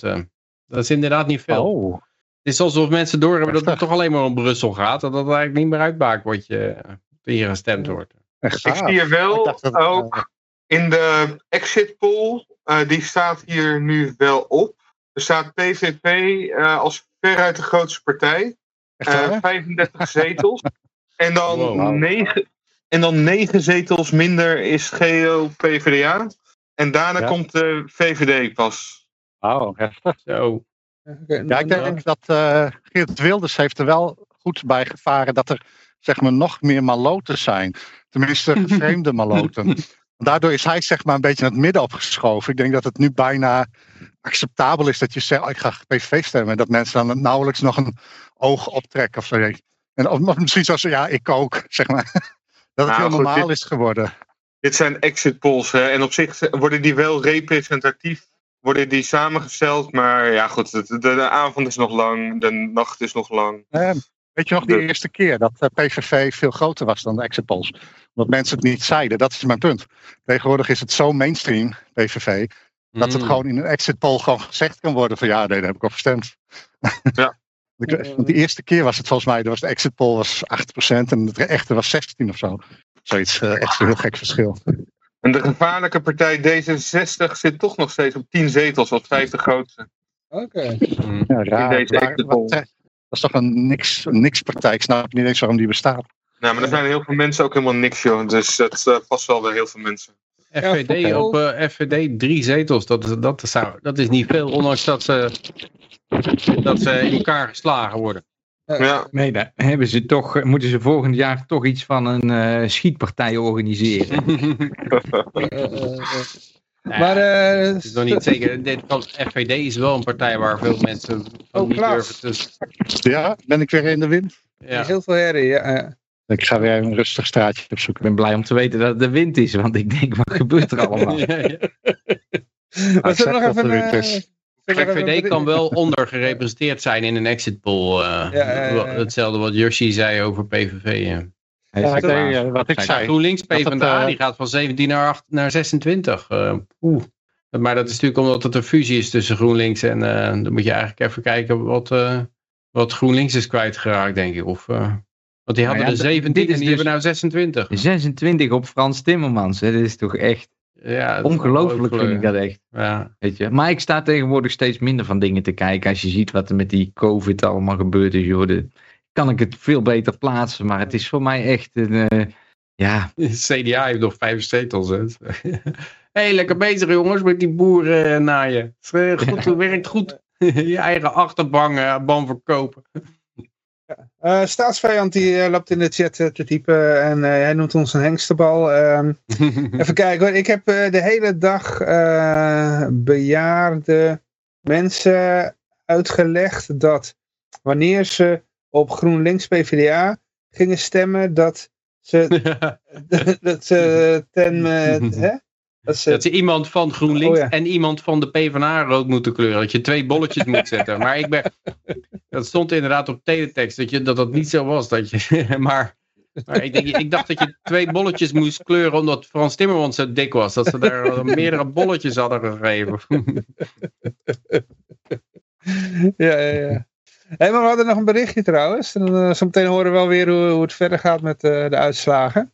Uh, maar mensen die uh, coronaregels uh, het beste en naleefden, die hebben nu zeg maar... de slechtste, mentale gezondheid. Ja, ja, ja dat zal nog wel een stuk erger worden, denk ik. ja, dat, ik zie dat niet snel verbeteren. Ik heb het idee dat het een beetje is van... Het zijn natuurlijk van die mensen die, die heel trots waren dat ze alle regeltjes volgden... en iedereen op de vingers tikte die dat niet deden en zo. En dan langzamerhand, dan, dan gaat die hypnose weg. En dan is het van, uh, shit, ik ben gewoon genept met alles. Uh, en ja. Ja. en Dat, dat voelt heel lullig aan. En het is hetzelfde wat die, wat die veteranen hebben volgens mij. Eerst is het, ja, we moeten het land verdedigen en al met z'n allen vechten. En het zijn helden van het vaderland. En dan komen ze, kom je terug zonder een arm of zo. En dan is het van, uh, ja, sorry, voor jou kunnen we niks meer betekenen. Geen medische zorg, je zoekt het maar uit. Het geld, geld is op in de oorlog, we kunnen niks meer doen. En dan voel je je natuurlijk enorm bekocht. eerst, eerst word je de held. En dan ben je opeens de sukkel die zich eigenlijk heeft laten voor, die, die er weer ingetuind is. Ja. Ik denk dat dat mentaal heel erg zwaar hard aankomt. Ja. Ik denk dat, dat die veteranen, trouwens wel hoe socialisme begint. Hè? Want dan uh, heb je echt een kleine overheid. En dan zeggen ze, ja, we hebben die veteranen, daar moeten we toch iets voor doen. Zijn mensen daar met elkaar eens? Nou, dat wordt dan een duur overheidsprogramma. En dan heb je de eerste voet in de deur om uh, lekker bezig te gaan. Volgens mij is dat, uh, is dat, volgens mij is dat letterlijk hoe dat is begonnen, toch? Met gezondheidszorg en pensioen en zo. Is dat in het verleden niet gewoon ontstaan vanwege de veteranen? En misschien niet in Nederland, maar in Duitsland die zijn al... zo, of in Frankrijk in Duitsland is dat ooit onder Bismarck, die heel veel pensioenstelsel ja, opgetuigd om het, uh, om het bij elkaar te brengen in Duitsland. Hè? Dat, dat ze dan, uh... En er was zelfs gefaald. Ja, dat, uh, dat ja natuurlijk. Het moet met veteranen te maken. Het moet wel falen, want dan moet je het meer budget hebben. En, en dan, is, ja, dan zit iedereen er ook aan vast. want ja, ja, nu sunken kost heb je dan. Staatsvijand zegt, als je wilt frauderen, uh, moet je al fucken met de exit poll. Anders uh, schrikken mensen te veel. Ja, uh. ja, die polls die zijn natuurlijk altijd voor gedeelte een, een, ja, een manier om de, te beïnvloeden. Maar een exit poll, weet ik niet, want de, stem, de, de, de lokalen zijn dicht al nou, denk ik. Dus ja, kan het zich geen effect bij hebben. Maar je krijgt aan het eind nog die, die, die Trump-Biden-wip, zeg maar. Dat, ehm, Dat is een postzak Dat vinden. Ja, dat is een postzak vinden. En dat opeens dan Frans Timmermans gewoon eh, naar 35 zetels toeschiet. eh. eh, op omzicht. ja. Ja, Weet je wie ik er ook niet tussen zie staan? WVNL staat nergens op, eh, staat er niet bij. Mm. Oké. Onze. Twan Manders. Het krol-effect. En eh, hoe heet die? Sven Hulleman. Ja, ja. Die zijn namelijk, eh, ik volg die een beetje. Vroeger veel meer dan nu, maar oké, ik kan er heel lang over kletsen. Maar ik heb bijvoorbeeld ook, weet je dat nog Johan, dat ik toen Twan Manders mee heb genomen naar die eh, presentatie van, die, eh, van Ja, geld. ja, ja, heb ik vaker verteld. Mm. ja, ja. En het is wel grappig dat die nou bij elkaar dus in die partij zaten. Maar Sven Hulleman die had gezegd, als ik niet in de Kamer kom, dan vertrek ik uit Nederland. Mm. Heeft hij in zijn video's gezegd. Dus het- als ik hier BVNL niet tussen zie staan, dan heeft Sven Hulleman het niet gered. Mm. Ja. Ik heb hem wel een berichtje gestuurd dat ik nog wel op hulp welke- kan gebruiken hier op, bij die welke, op, op welke plaats staat hij? Ja, dat weet ik niet Dat precies. maakt want toch hij, niet meer uit. Volgens mij staat had- Krol, Krol staat toch op twee of zo? hij had zichzelf helemaal naar beneden laten zetten. Hij zei, ik kom met voorstur, voorkeurstemmen kom ik in de Kamer, had hij gezegd. Oh, oké, oké, oké. En als dat niet gebeurt, dan ga ik weg. Dan vertrek ik uit Nederland. Dan bekijken jullie Ja, het allemaal. Maar niet, eh, niet volgens dat eerste resultaatje dus. Die eerste stelling, die, daar doet hij eh, nog niet mee met voorkeurstemmen, begrijpen we. Nee, nee. Want ik, heel BVNL komt, niet, niet, komt er niet in voor. Nee, maar ik denk, als, vaak als je met grote getallen werkt, dan zijn zeg maar de niche dingen, waar de LP ook onderdeel van maakt, dat zit eh, onder de 2% van Ja, de gebeurtenissen. Ja. En die 2% dat zijn dus drie zetels. Dus als je daarvan uitgaat, dan is er voor alle niche-partijen is zijn er in theorie drie zetels te verdelen. Nou, dan heb je nog dat bij landelijke verkiezingen zijn mensen op een of andere manier hebben ze toch nog het gevoel dat het belangrijker is. En waar bijvoorbeeld de opkomst eh, voor landelijke verkiezingen nog 65% is, daar is die voor de gemeenteraad bij spreken 20, 30%. Dus dan zie je toch vaker dat ze wat vasthouden aan een of ander idee. En ehm, wat dat betreft kan het een hele moeilijke conversie zijn. Dus dat betekent als je bij spreken een zetel wil hebben, laat zeggen dat, het, dat de conversie 1% is, dan moet je, ja, wat is het, 80? Moet je 800.000 800.000 mensen moet je overtuigend weten te benaderen. En dan, eh, nee, dan zit je er nog lang niet. Nee, sorry, 8 miljoen. Je moet echt een enorm bereik hebben om als niche, zonder dat je iets zittends hebt of iets bekends in het oog springend, zoals een persoon die op een of andere manier al eh, leeft bij mensen, om dat te converteren. Ik weet niet hoe jullie dat zien, maar ik denk dat LP onderdeel is van de niche, dus de, de 2% beweging in de maatschappij. En ik denk dat conversie is voor heel laag is. 56% beweging eh, LP. Hm? 56% beweging de LP. Waar? In Argentinië. Ja, precies, ja. Maar in Nederland, ik denk dat het in Nederland dus onderdeel is van de, de niche. En Ik het is denk- nog geen.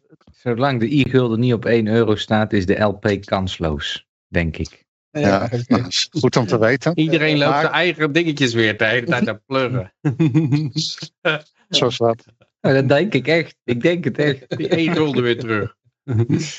Ja, Volgens mij is er iemand die, die de 1 gulden omhoog koopt. Die recentelijk een flinke som geld heeft ontvangen. Ja, het moet wel, want ik heb, er, ik heb ze ontvangen. Dus misschien kun je ook iets met een bierflesje gaan doen. eh. het volgende bericht namelijk, ja, we hadden het al een paar keer genoemd, een bierflesje van eh, Baudet. Van, eh, hoeveel biertjes zullen ze die jongen gegeven hebben van Antifa? Van, werden er gratis biertje als je, als je Baudet op zijn kop slaat. Ja, ik weet niet of dat de goede prijs is. Want als hij als als hij de gevangenis erin voor indraait of zo. Of, ja, misschien had hij al wat biertjes op, hè, die gast. Ja, ze zetten het ook hoog in, want het is een terroristendaad meteen. Hè? Omdat het een politicus is, zetten ze het op terrorisme. Nou, dan ben je als eh, genderneutrale wat, eh, antifa... dan zit je niet te wachten ja, op een ja, met al die eh, linkse rechters wordt hij gewoon vrijgesproken, hè? Ja, dan moet hij het wel heel goed spelen.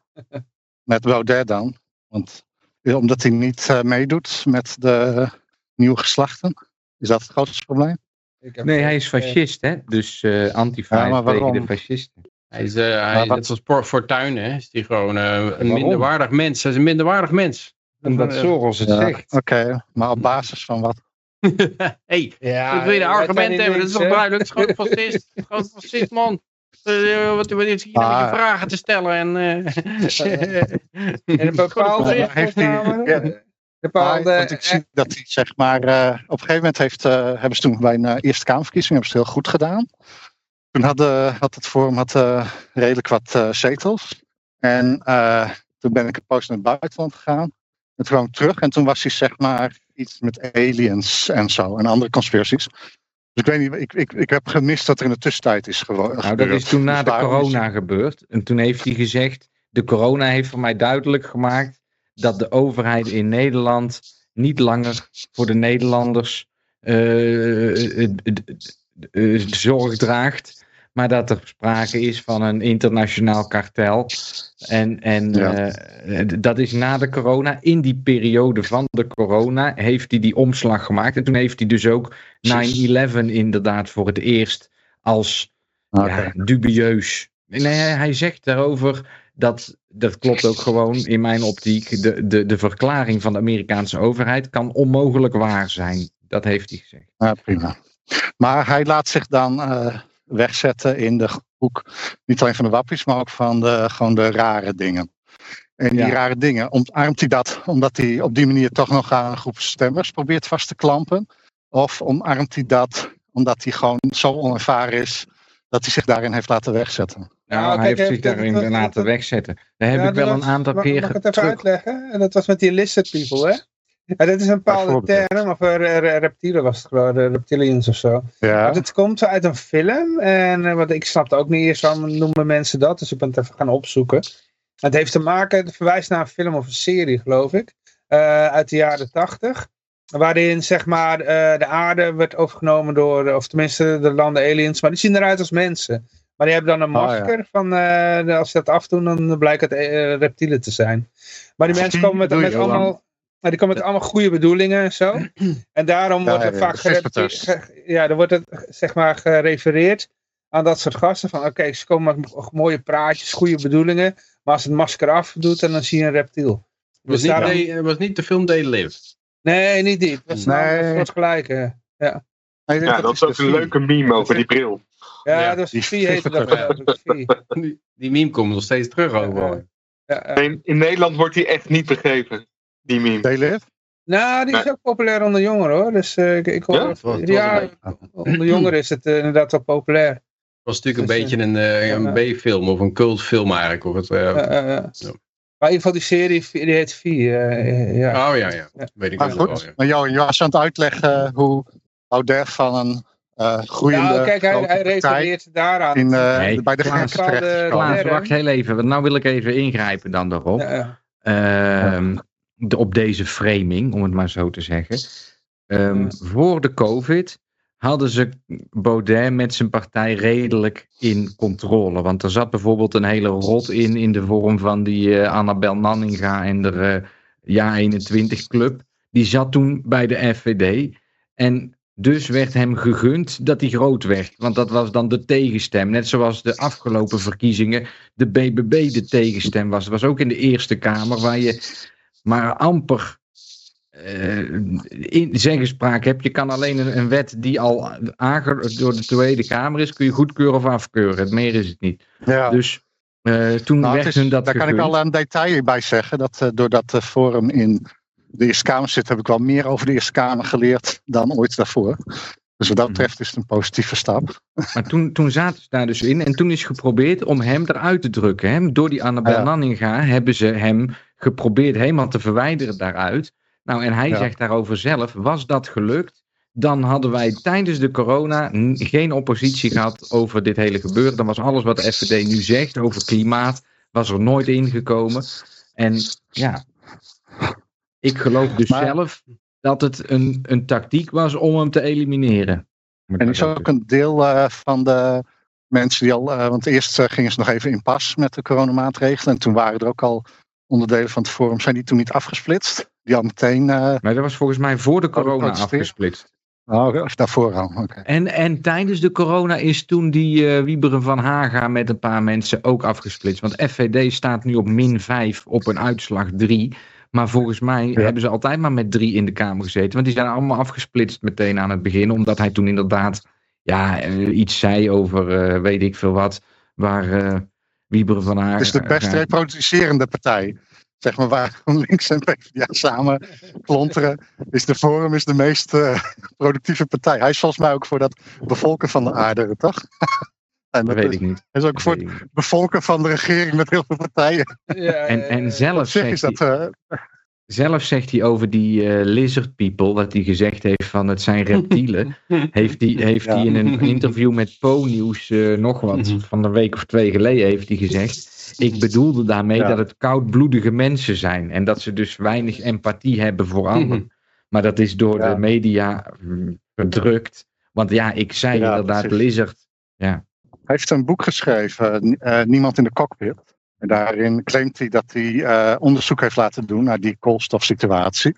Iemand van plan het te gaan lezen? Nee, ik heb wel van de titel gehoord, maar ik lees niet zoveel. Okay. Nee, ik ook niet. Ik heb jouw boek ook nog niet gelezen. Is al wel binnen? Nee. nee ik heb we, moeten even, we moeten even afrekenen. Ja, komt goed. komt goed. Komt goed. Ja. De, Is er de, al een uh, uitslag binnen? Die hebben we net gezegd. Nou, 35. Nee, een, dat was een exit poll. Hè? Nog weer een nieuwe. Ja, gewoon een echte update van de, van de echte uitslag, zeg maar. Volgens mij gaat de exit poll over tot... Uh, nog niet? Nog niet, oké. Okay. Uh, wordt om 22 uur verwacht. Maar oh, ik zag net okay. wel even een horror scenario, uh, zag ik even, even nou, op Twitter nee. langskomen.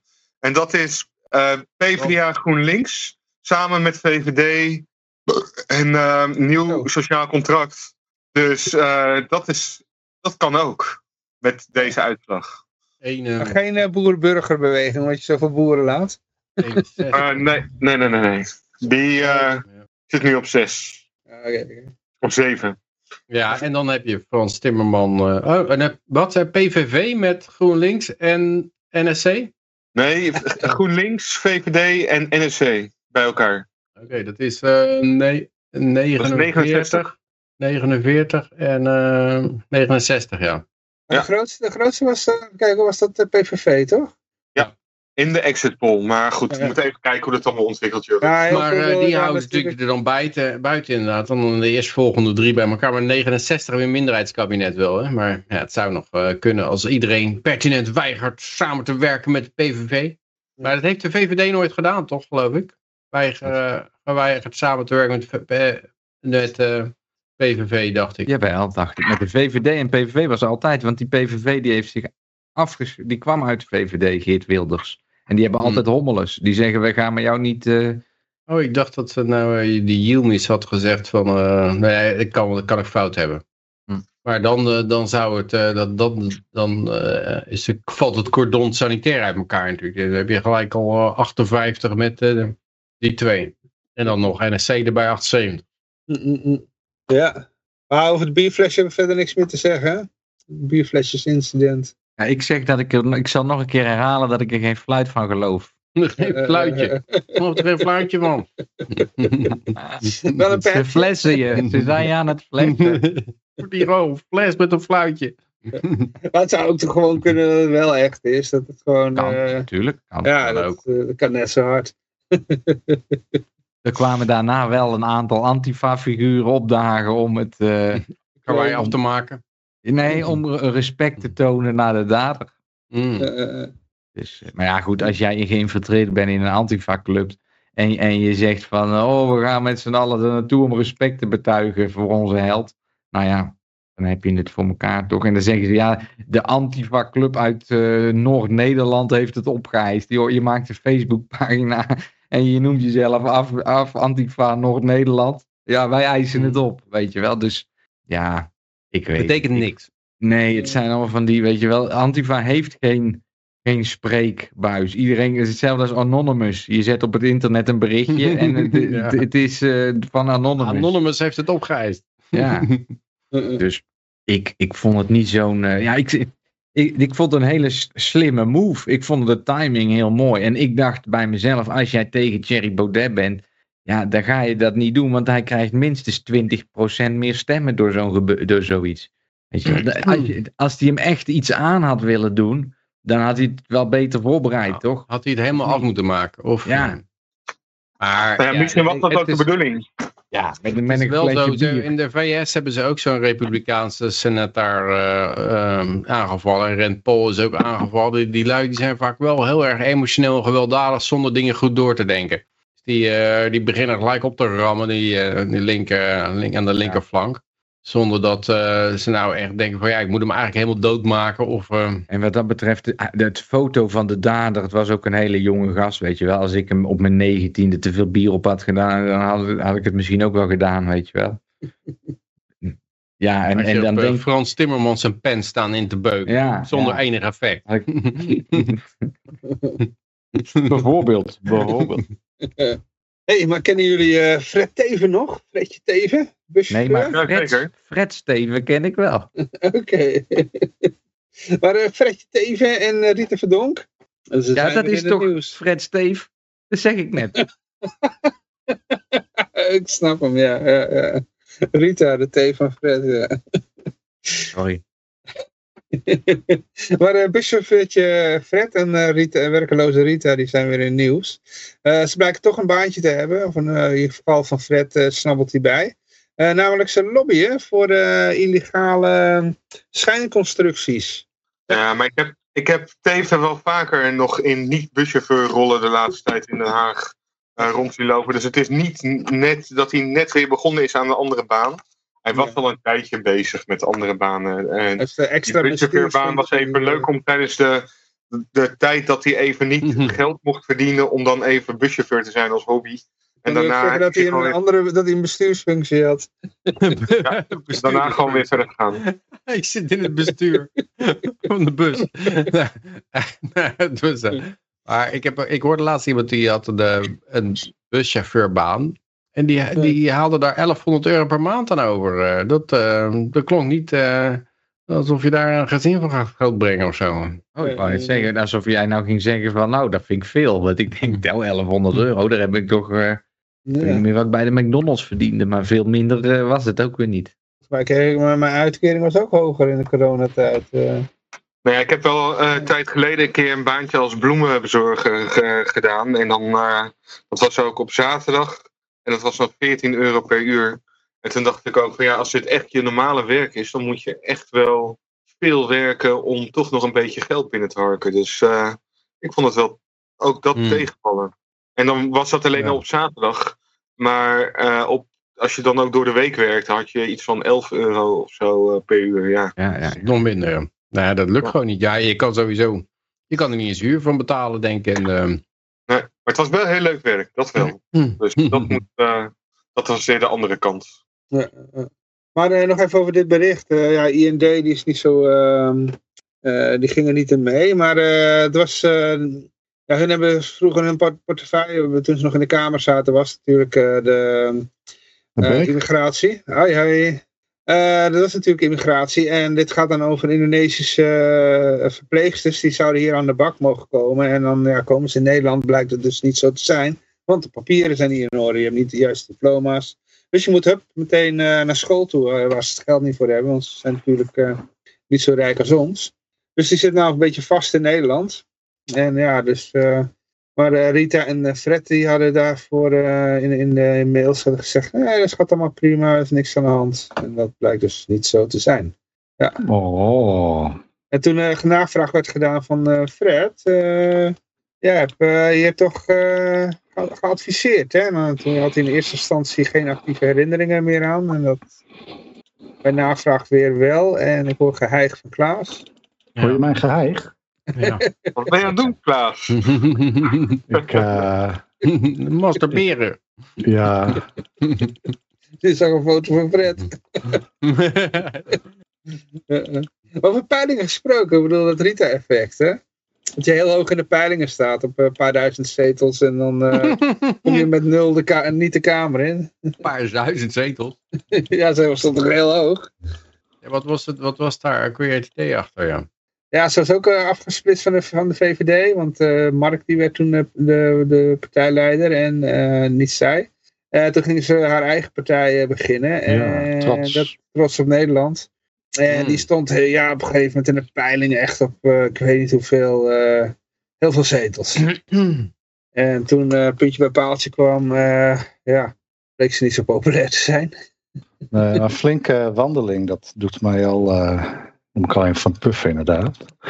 Ik, uh, ja, ik denk dat dat heel veel zo is. Ik denk als je lokale partijen zou verbieden om uh, op landelijke titel mee te doen, dan zou het zou me heel sterk verbazen dat dan nog mensen aan bod komen die nu op draagkracht van die titel alsnog weer worden verkozen. Ja, dus ze zouden natuurlijk gaan cheaten. Zo zeg maar de, niet, of de, de nieuwe CDA gaan zichzelf noemen, of uh, eh, PVD anders of zo. Maar uh, hè, dus ze zouden toch proberen die link uh, tot stand te brengen. Maar als ze het puur op persoon zouden moeten doen, zou niemand erin zitten. En ik denk ook dat dat het een beetje is. Ik denk dat mensen stemmen VVD. En wat dat betreft is eigenlijk dat, dat centraliseren van macht door partijen toe te staan.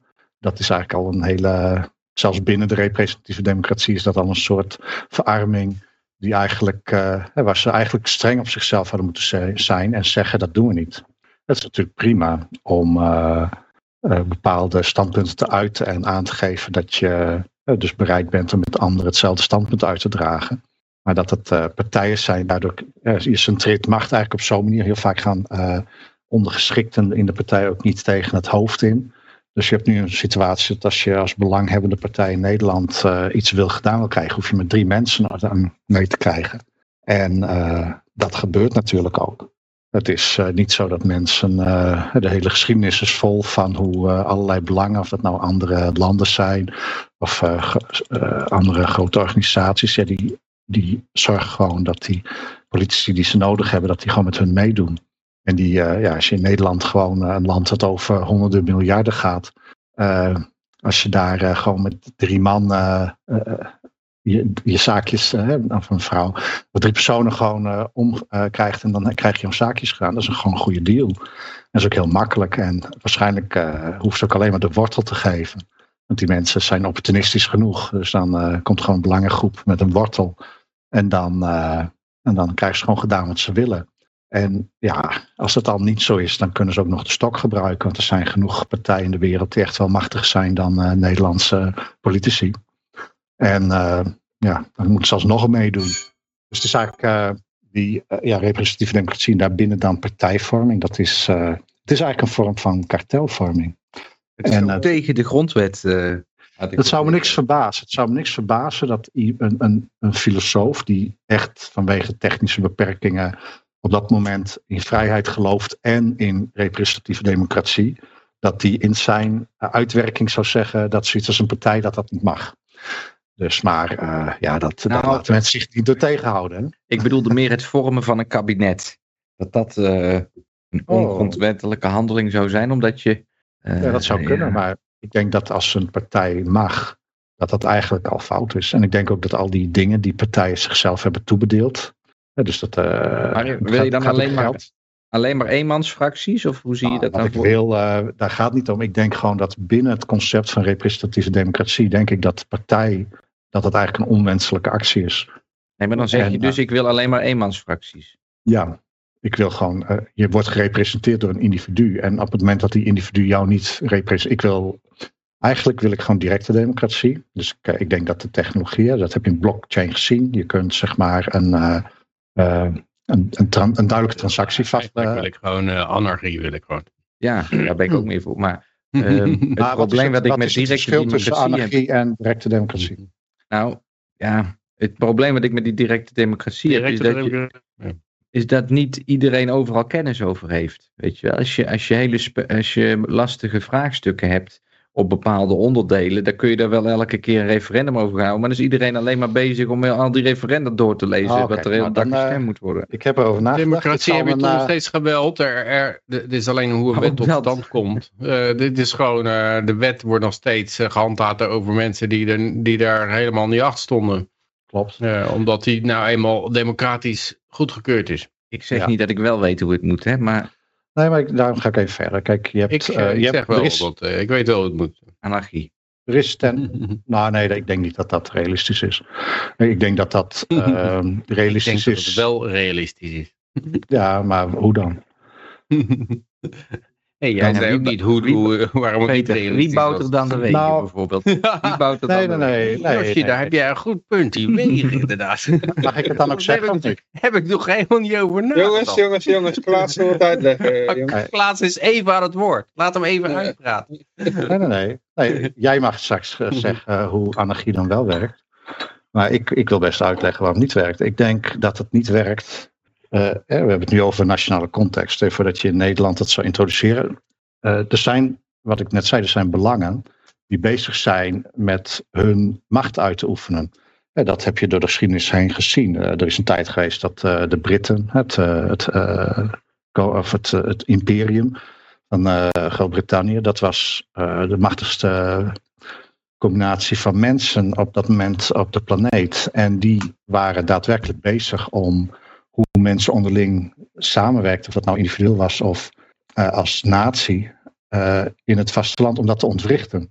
En dat heb je ook. Je hebt, als je zeg maar eh, een democratie, als je een, een, een, landsgebied hebt waar je een groep mensen samenleeft, je hebt nog steeds te dealen met belangen die groter zijn dan jou, jij als individu. Dus je zult op een of andere manier in het totaal van de wereld moeten organiseren en positioneren. En ik denk, Organiseren, Maar- maar- er zijn bedrijven voor. nee precies. En Maar, maar dat maakt dat- wel een goede opmerking. Want het totaal van de wereld, dat is precies het hele punt. Je kan niet anarchie in Nederland hebben, want je bent met het totaal van de wereld. Dus precies. Nou, dat, als we dat eens zijn, dan zijn we klaar. En ja, maar je kunt dus wel wereldwijd anarchie hebben. Ja, je dat kan klopt. geen landsgrenzen meer af gaan bakenen. Klopt. Ik denk dat je anarchie eh, kun je in de mate hebben waarin eh, de belangen, evenwicht eh, gelijkwaardig is.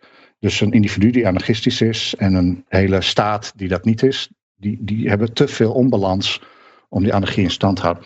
Maar Ja, Maar terug laat me even, even vragen. Dus, dus je kan wel landen hebben die meer vrij zijn, zoals je Singapore hebt en Hongkong en Monaco en Liechtenstein en zo. Eh, maar, maar als je die vrijheid.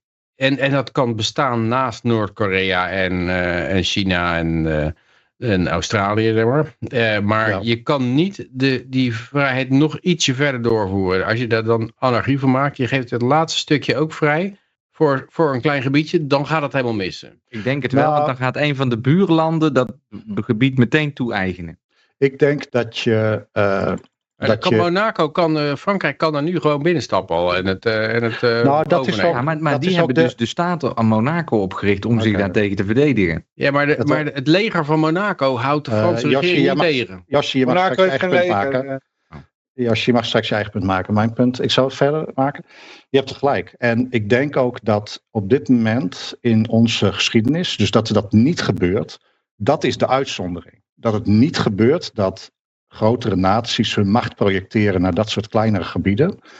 Dat is uitzonderlijk. En de geschiedenis van de mensheid en is dat het niet zo is. Het- is gewelddadig en je moet, als jij vrijheidlievend bent, zul je jouw eh, liefde voor vrijheid op zo'n manier moeten projecteren dat het zeg maar eh, genoeg bescherming biedt tegen een initiatief die dat zou willen eh, aantasten. En ik denk, eh, we zijn het eens, op wereldwijde schaal zou je prima energie kunnen hebben. Ik denk dat, om dan weer terug, de stap terug te doen naar directe democratie, ik denk dat technisch zijn de middelen nu aanwezig om zeg maar direct je stem uit te brengen. Maar ik ben ook bereid om mee te gaan in het idee dat niet iedereen zin heeft om zich overal in te verdiepen. Dus dat je je laat representeren is nog niet eens een heel raar idee. Dat doen we al in het dagelijks leven. Wij laten ons voor heel veel dingen representeren door de keuzes die we maken. Nou, wat je dan op zijn minst zou kunnen doen, is dat je van dat hele ouderwetse model van één keer in vier jaar stemmen afstapt. Ja, want omdat je, je kunt nu al, je zou al direct je stem kunnen brengen.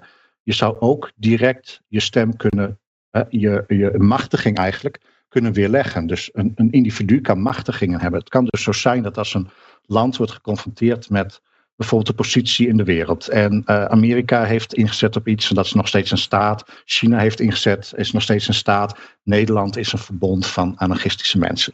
Dan nog steeds kun je als groep een mechanisme hebben waarin je zegt van... Oké, wij gaan onze positie in deze wereld, onze vrijheid gaan wij wel degelijk als groep beschermen. En daar kun je over stemmen. En je kunt wel degelijk akkoord gaan dat dat op een En bepaalde manier moet. Ja. Ik heb nou ineens iets schieten door mijn hoofd heen. Hè? Stel nou dat je de volgende keer als er Tweede Kamerverkiezingen zijn, dan organiseer jij een partij. Eh, nee, nee, nee, wacht even. Nou, een partij organiseren, dat is nogal wat, uh, Yoshi. Dat is, het Nee, lukt ja, mij een al niet eens initiatief. dat ene boek van jou te kopen. Dus Een, een alsjeblieft initiatief. mij niet het En- huiswerk geven om een partij Je op laat te richten dan- op landelijk niveau. Je laat dus me- mensen hun stempas bij jou inleveren. Ja. En eh, dan, dan mogen zij op jouw website of op jouw blockchain Ja, ja, eh, bij iedere stemming van de Tweede Kamer zelf. Nou ja, ik denk dat dat op zijn minst Hey, kijk, je is. doet dit, dit soort dingen doe je van nature ook al in de, in de anarchistische default situatie. Zeg maar. Als je een auto wil kopen en je hebt een collega die weet heel veel van auto's af en jij weet Ja, niet zoveel van auto's af, dan ga je naar die collega toe en dan zeg je van hé, ik wil een auto hebben en eh, weet jij wat ik eh, moet kopen? Dan zegt hij van eh, oké, hoe groot, hoe- hoeveel mensen wil je erin vervoeren en geef je veel om dit of om dat of zus. Stelt een paar vragen en dan zegt hij van nou, dan, eh, dan zou je hier eens naar kunnen kijken. Ja. en, en dan gebruik je, het is een vorm van delegeren, maar het is allemaal vrijwillig. Er zit, er zit nergens een, een dwang achter. Je gaat niet mensen eh, delegeren over, je gaat niet zeggen van oké, en nou moet iedereen die auto kopen op de hele afdeling. Eh, en, eh, en dat doen we met een soort de directe democratie of zo. maar ja, het is, het is een slechte benadering, die democratie. Van, van ja, we gaan met z'n allen stemmen. En dan gaat die ene collega zeggen welke auto we al moeten kopen. Dat is eh, onhandig gewoon. Het is, het is nog steeds beter om te zeggen van, eh, nou oké, hij is wel een expert op dat gebied. Dus ik eh, ga hem wel, wel om advies vragen. Maar uiteindelijk maak je zelf die keuze. Sommigen zullen die keuze klakloos opvolgen. Anderen zullen zelf nog een beetje nader onderzoek doen. Ja, zo hebben Of anderen voor letten er verschillende misschien helemaal niet op. verschillende personen. Dat je Hmm. afhankelijk van het topic, dat je daar een soort eh, persoon hebt. Ja, natuurlijk. Als je een nieuwe computer wil kopen, dan ga je weer naar iemand anders toe die daar heel erg aan thuis is. Of als je een, eh, nieuwe fiets wil kopen of zo, of een, eh, of een televisie. eh, Over het Ja. algemeen heb je mensen. En, en voor een gedeelte is het ook het prijsmechanisme zal aangeven. En een merk, merktoestand, eh, merkbekendheid. Dat je weet gewoon als je een bekend merk koopt. Dat is de reden waarom mensen vaak gewoon blindelings een merk kopen dat anderen dat onderzoek al gedaan hebben. Omdat het anders waarschijnlijk nooit zo ver gekomen was, dat merk. En dan vertrouw je gewoon blindelings op, het, op de expertise van mensen die je eigenlijk niet eens kent. Maar eh, met het idee van, nou ja, eh, het zal wel nooit zo groot zijn geworden als het pure bagger is. Eh, dat is een beetje Oh, wauw. gevaarlijker, maar ja, als je niet Hebben zo iemand die voor financiële adviezen bel je Jim Cramer? en dan doe je precies tegenovergestelde. En dat klopt altijd bijna. Nou, maar dus wat we eigenlijk zeggen, we zijn eens, als mensen doen we dat al. Eh, we laten ons al representeren. Dat is iets wat wij. ehm, eh, en ik denk dat eh, de techniek er is om veel, eh, zeg maar, die democratie, om het zo maar even te noemen, om die veel directer te maken. Dus die Ik wil stappen het geen democratie noemen. Dit is geen democratie, want er wordt niks opgelegd aan anderen. Het is gewoon, eh, ja, je, je kiest iemand, een expert voor. Eh, maar democratie is, je gooit je allemaal iets in een potje en dan kijk je wie er het meeste eh, op gestemd wordt en dan wordt het aan iedereen opgelegd. Dat is Ja. democratie. Ik Dat is een heel ander het, eh, verhaal. ik denk dat dat wel, eh, dat dat zoiets wel blijft bestaan. Ik denk, eh, want we waren het ook al eens dat anarchie werkt alleen maar op dezelfde schaal. Hè, Dus wereldwijde anarchie zou kunnen werken. Daar ben ik het niet Eh, mee eens hoor. Maar, eh, Nee? Hoe Nee. zou je dat dan oplossen? Hoe zie je dan? Nou, zeg zoals ik al, al zei, eh, van, heb je, je, hebt, je hebt allerlei kleine landjes over de hele wereld die, eh, die niet veroverd worden omdat Nee, er een grotere buur is. Maar je dat, laatste stu- dat laatste stukje vrijheid. En ik zeg niet dat die, dat die anarchistische dingen niks aan defensie hoeven uit te geven. Maar ook het bedrag dat aan defensie wordt uitgegeven, dat is gewoon met markt bepaald. Dus als mensen die, die maken een afweging van hoeveel gevaar lopen wij door onze buur omvergelopen te worden. En hoeveel, hoeveel geld gaan we daaraan uitgeven om ons te beschermen. En hoeveel kans op succes heeft het. Want als jij een hele agressieve buur hebt met een enorm leger die enorm groot is. En je bent zelf maar heel klein. Dan heeft het ook geen zin om veel geld aan defensie uit te geven. Want dan ga je het toch niet redden. Dus, de, het- dus die, die vrijwilligheid is, is ook in defensie enorm belangrijk. En dat zou ik ook zeggen bij zo'n oorlog in de Oekraïne. Zowel aan de Russische kant als aan de Oekraïnse kant worden soldaten gedwongen te vechten. En worden mensen gedwongen te betalen om, om die soldaten te betalen om te laten vechten. Maar ben je het, eh, en- eens dat het een uitzonderlijke situatie is? Want dat was mijn standpunt. Nee, ik, ik, geef toe dat er zijn eh, zeg maar, landen waar het nu prima eh, gaat. Hè? Dus landen die zeg maar, militair niet eh, interessant zijn. Die worden ook niet overrompeld. Of tenminste niet allemaal. Het is natuurlijk nog steeds zo dat er landen zijn die zwak zijn. Bijvoorbeeld uh, interessante grondstoffen zijn. En die nog steeds worden overrompeld. Die hadden anarchistisch Ja, maar dat heb je ook met een staat. Uh, maar de, Nederland had ook een, een staat. En die werden, ja, ook, werden ook onder ons te boven gelopen door Duitsland. Dus ook een staat beschermt je niet altijd tegen. Nee, Oké, okay, maar het punt is nu eerst van dat zeg maar uh, zwakkeren worden overrompeld door sterkeren. Dat is zeg maar, mijn standpunt is dat dat in het verleden was dat de standaard. En mijn standpunt is dat op dit moment is dat nog steeds de standaard. Maar er zijn uitzonderingen. Maar die uitzonderingen zijn tijdelijk en recentelijk. En daar ga ik nog iets over zeggen. De reden dat die uitzonderingen bestaan, is omdat heel veel van dat machtsvertoon, eh, waar vroeger zeg maar alleen die simpelweg die bezetting en die oorlog voor uh, was, dat is op dit moment, heeft dat een andere vorm aangenomen. Dus het bestaat nog steeds en het gebeurt ook nog steeds. Maar het, heeft, het ziet er niet meer uit als loopgraven en massagraven. Nee, het, het gebeurt nou doordat de EU een heel gebied overneemt en zijn wil, uh, wil oplegt. Maar dat komt alleen maar omdat er een hoop propaganda is natuurlijk. Die, uh, waarin mensen denken van ja, we kunnen we niet zonder. En, uh, en we moeten allemaal buigen naar Brussel en, en knielen naar richting Mekka. dus mm -hmm. ja, maar ja, dat, daar, daar pleit ik voor. Dus dat moet je niet meer hebben. Maar ik denk dat het risico dat Nederland België binnenloopt met legers omdat ze zwakker zijn om daar de natuurlijke hulpbronnen over te nemen.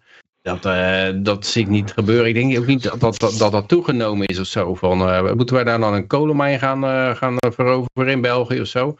Nee, ik denk als je, als je in de praktijk bekijkt van vandaag de dag. belangen en Belgische belangen worden wel degelijk belaagd door externe partijen. Maar dat gebeurt niet meer doordat er zeg maar soldaten in ons land komen bezetten. Maar het, eh, ons geld, ons ondernemen, onze positie in de wereld is gewoon dagelijks onderhevig je aan pensioen belangen. wordt gewoon geroofd via, Precies. via Dus- Brussel. Je hebt als Nederland, als verbond van anarchistische mensen, heb je nog steeds een soort. ehm, ja, Je hebt nog soort- steeds verdediging nodig, maar dat ontken Ja. ik ook helemaal niet. Hè? Het anarchisme is niet dat je zegt dat, er geen, dat je geen geld aan verdediging moet steken. Eh, Net zoiets als, als jij anarchist bent, zet je geen sloot op je deur of zo. Nee, je bent nog steeds een hoeveelheid geld kwijt aan sloten, aan een alarminstallatie. En er zitten nog steeds kosten aan. Het is niet zo dat de kosten van defensie helemaal naar nul terugvallen. Het is alleen, omdat het vrijwilliger is, is het meer efficiënt. En je, je Ja. geeft er niet te veel aan uit, je geeft er niet te weinig aan uit. Je, je maakt een afweging van, heb ik überhaupt een kans om hier tegen, als er, als er een leger zombies op je huis afkomt, dan denk ik, ja, daar, daar, kan ik, daar, daar kan ik toch niks tegen doen. Dus hoef ik ook geen geld aan sloten uit te geven.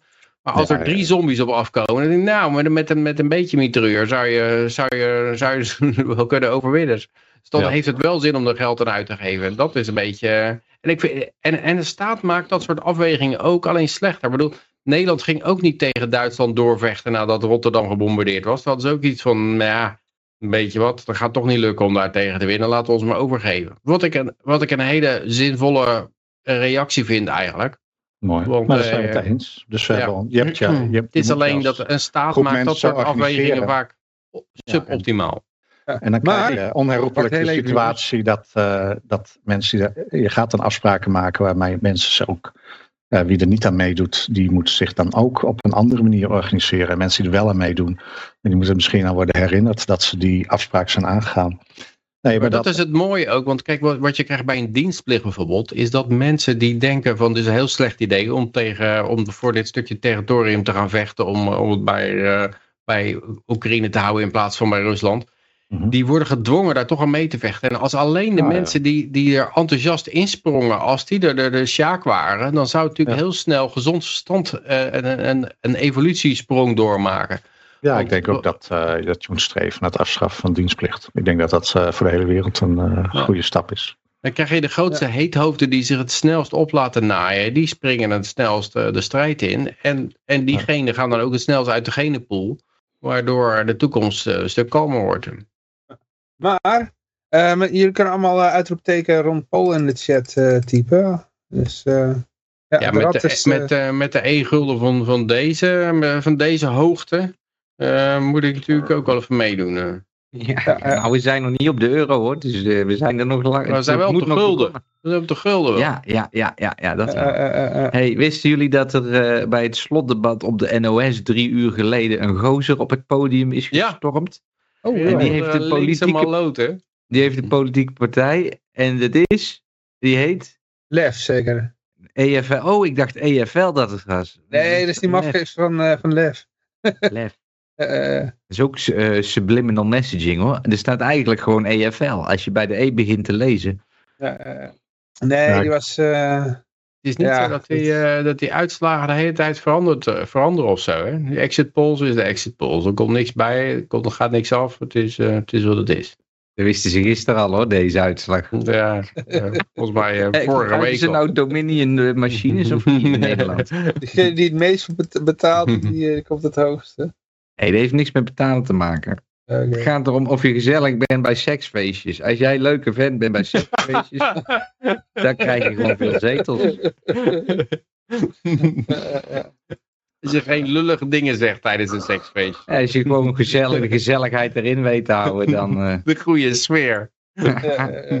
Mooi, Zometeen man. hebben we trouwens nog een eh, berichtje over een eh, OnlyFans model. Er zijn foto's bij. Er zijn foto's. gesproken. Ja, ja. OnlyFans model vind ik ook zo wat. Wat, wat is er nou? Je hebt een profiel gemaakt op OnlyFans. Ik ben een Facebook model, hè? Je hebt toch ook mensen die... eh, Nee, die, die meme, dat die ene gast zegt, oh, ik ben eh, een, eh, wat is het? Game, of- nee, een warrior. I'm a warrior from, wat noemen ze een spel? Skyrim. Ja, die heb ik Skyrim. gezien. Skyrim of zo. Ik ben I'm Skyrim warrior. Ja, want ik ben influencer, zegt daar zo'n eh, zo'n meisje. zie je. Ja. eh, ik vlog. Maar ja, goed, als je ziet wat er op een jaarbasis wordt omgezet op OnlyFans. Als je 10.000 Ja. euro per maand op die manier kan pakken. Nou, dat, moet je dus niet ja. intrappen. Er zijn er maar een, een, een enkeling, een handje vol, die verdienen dat. En de rest helemaal zo. niks. De rest helemaal niks. Maar dat is meestal zo, toch? Eh, eh, eh. Dus zelfs met Twitch, er zijn een paar streamers die heel veel verdienen en de rest krijgt gewoon niks. Ik zag net overigens eh, even nog wat Twitters berichten. Uh-huh. En dus, eh, er werd ook nog even de, uits of de exit poll uitslag, wat natuurlijk niet de definitieve uitslag is, tegen de Eerste Kamer uitslag eh, gehouden. En ook met het e Europees Parlement uitslag, of zetelverdeling. En basically de boodschap is, we are fucked. Oké. Dus zat Nou nog ja. vol open de pijp eh, vanaf het EU richting eh, voor Nederland. Ah. Servië is geen lid van de EU. Je kan altijd nog je spullen pakken. Ja, maar ik heb ook Eh, nog een vrouw eh, die een mening die mag, heeft die mag gewoon huis. meekomen. Oh, die een mening heeft, ja. Ja. Dat is lastig natuurlijk. Misschien moet je toch, eh. Ik wou toch zeggen een ander geloof aan gaan hangen misschien. vrouwen mogen hier ook komen, wilde ik zeggen. Maar ja, als ze een mening heeft, dan is het wel lastig. Ja. Nee, ja, het is toch nog niet... eh, het- eh, hoeveel slechter kan het nou worden, joh? Toch? Een Ah, nog veel slechter. nog, eh, dat is... Eh, veel slechter, denk ik. Ja. ja, maar Peter, Maar ben je nou bezig ook hout te stoken? Is dat naar mijn, eh, Vanavond niet. eh, maar... is dat naar mijn overtuigende betoog van afgelopen keer of eh, vorig jaar? Of stookt hij al vaker hout? Ik stook wel vaker hout, ja. Maar eh, ik heb Oh. weer twee kuub laten, laten komen. Kijk eens aan. Maar eh, zal ik aan het rad eh, gaan draaien? wat kost hij in Nederland? Twee kuub hout? 500, 600. Oh, oh, oh. Als het goed hout is. Hm. Als je het eh, natter koopt, dan is het misschien maar 200 euro. Moet je het nog laten drogen. Interessant. Ja, ik zal, het, eh, ik zal binnenkort even de actuele prijs in Servië met jullie delen. Kan misschien qua transportkosten nog af. Ik weet niet, wat heb jij betaald, eh, Peter? Oh, moet ik even opzoeken. 300 euro of zo. Dat, er zit hier iets in de buurt wat op zich wel een goede prijs geeft. Maar het is losgestort. Die komen gewoon zo voorrijden en dan, Ah, ja, ik snap dan het. keepen ze het eruit. En dan, eh, dan ben je wel een tijdje bezig om het eh, op te Ik snap stapelen. het. Ja, en dan is het, dan is het effectief is het eh, 0,85. eh, Ja, precies. Ja. eh, want ik heb gestapelde keep was mijn prijs. Maar dan inderdaad, Hm. eh, dan is het 500. En dan dus wordt 300 voor losgestort. Ja. ja, ongeveer dezelfde prijs, denk je. Maar eh, er staan eh, meer mensen op het rad dan dat we kijkers hebben. Dus dat vind ik wel eh, leuk. Oh, kijk aan. knap, knap. Verschillende bronnen. Ja, ja, ik denk dat van de Stream Elements. dus die zie ik niet die tellen. Maar goed, ik ga er een draai aan geven. Dus eh, je bent nu te laat. Hartstikke idee. Draai je maar. Wie zal het Nou, gaan worden? Ik wacht het nog zes minuten af met die tweede uitslag. En dan, eh, want ik interesseer me helemaal niet voor verkiezingen. En dan zit ik hier met jullie de verkiezingen te bespreken. Oh, ik kon net niet zien wat het... dat had je niet gedaan als het je niks zou interesseren. Dus Heeft Nee, iemand het kunnen zien? Ja, Ik denk dat het zomaar kijken was. Zomaar kijken. Nou, ja, tien Ik weet het niet zeker. Ik- mensen mogen hun vrijheid gebruiken om ellende over zichzelf af te roepen. En ik ga het ook niet laat maken, hè. Dus ik moet morgen vroeg op. Ah, Oh, Ik ben echt zo iemand met een baan. jeetje. Waarom kun je je nog- dan kun je nog ergens crypto kopen. Nou, afhankelijk van de uitslag van vanavond heeft het waarschijnlijk geen zin om morgen naar je werk te gaan. Morgen Moet is je de net belasting al 70%. eh. Misschien moet je, moet je een TikTok-kanaal maken, Johan. En dat Ja, je dan ja, ja. eh, van die, van die non-workdays gaat instellen. Ja, 60% belasting is maar 60% werken. We hebben hier een eh, OnlyFans model die, eh, even kijken hoor, Eh, she eh, shouldn't pay taxes because she's doing charity work. Ze ziet haar, ze ziet haar werk bij OnlyFans als eh, liefdadigheid. Ja. Als een ANBI moet ze een stichting oprichten. Kun- Algemene kun je ook, eh, instelling. Kun je ook 0 euro eisen voor een... eh, Dit, is, dit is de dame. Hebben we nou een paar berichten overgeslagen of eh, heb ik dat even gemist? De rest hebben we allemaal gehad, eh, Peter. Nee, ah, dat was allemaal ja. verkiezingen. Nou ja, Baudet aanval Rita Verdonk opeens. eh, ja, nou, oké. Nou, ja, Is het, wel een, is het wel een echte vrouw, Johan? Deze OnlyFans model? ja, dat weet je nooit hè, tegenwoordig. Oh, dat weet je niet, nee. Nee, ik- Eh, Maar ja, het, eh, het is leuk om te, te Bij een argumenteren, maar ik denk wel. niet dat, het, dat ze ermee weg gaat komen. Ik weet niet of jullie gevolgd hebben van... eh, eh, was, dat- welke figuur was er nou in Spanje? Er was een eh, dame, Kim Kardashian of zo, of zo eh, die, eh, Kan wel. Eh, die had met de Spaanse belastingdienst eh geschikt. Shakira. Shakira, ja. Ja, Shakira. ja maar dat is wel iets anders. Dat is heel een andere... Colombiaan. Ja. Dat is hetzelfde als met Ronaldo en met, ehm, volgens mij had Messi het zelf ook.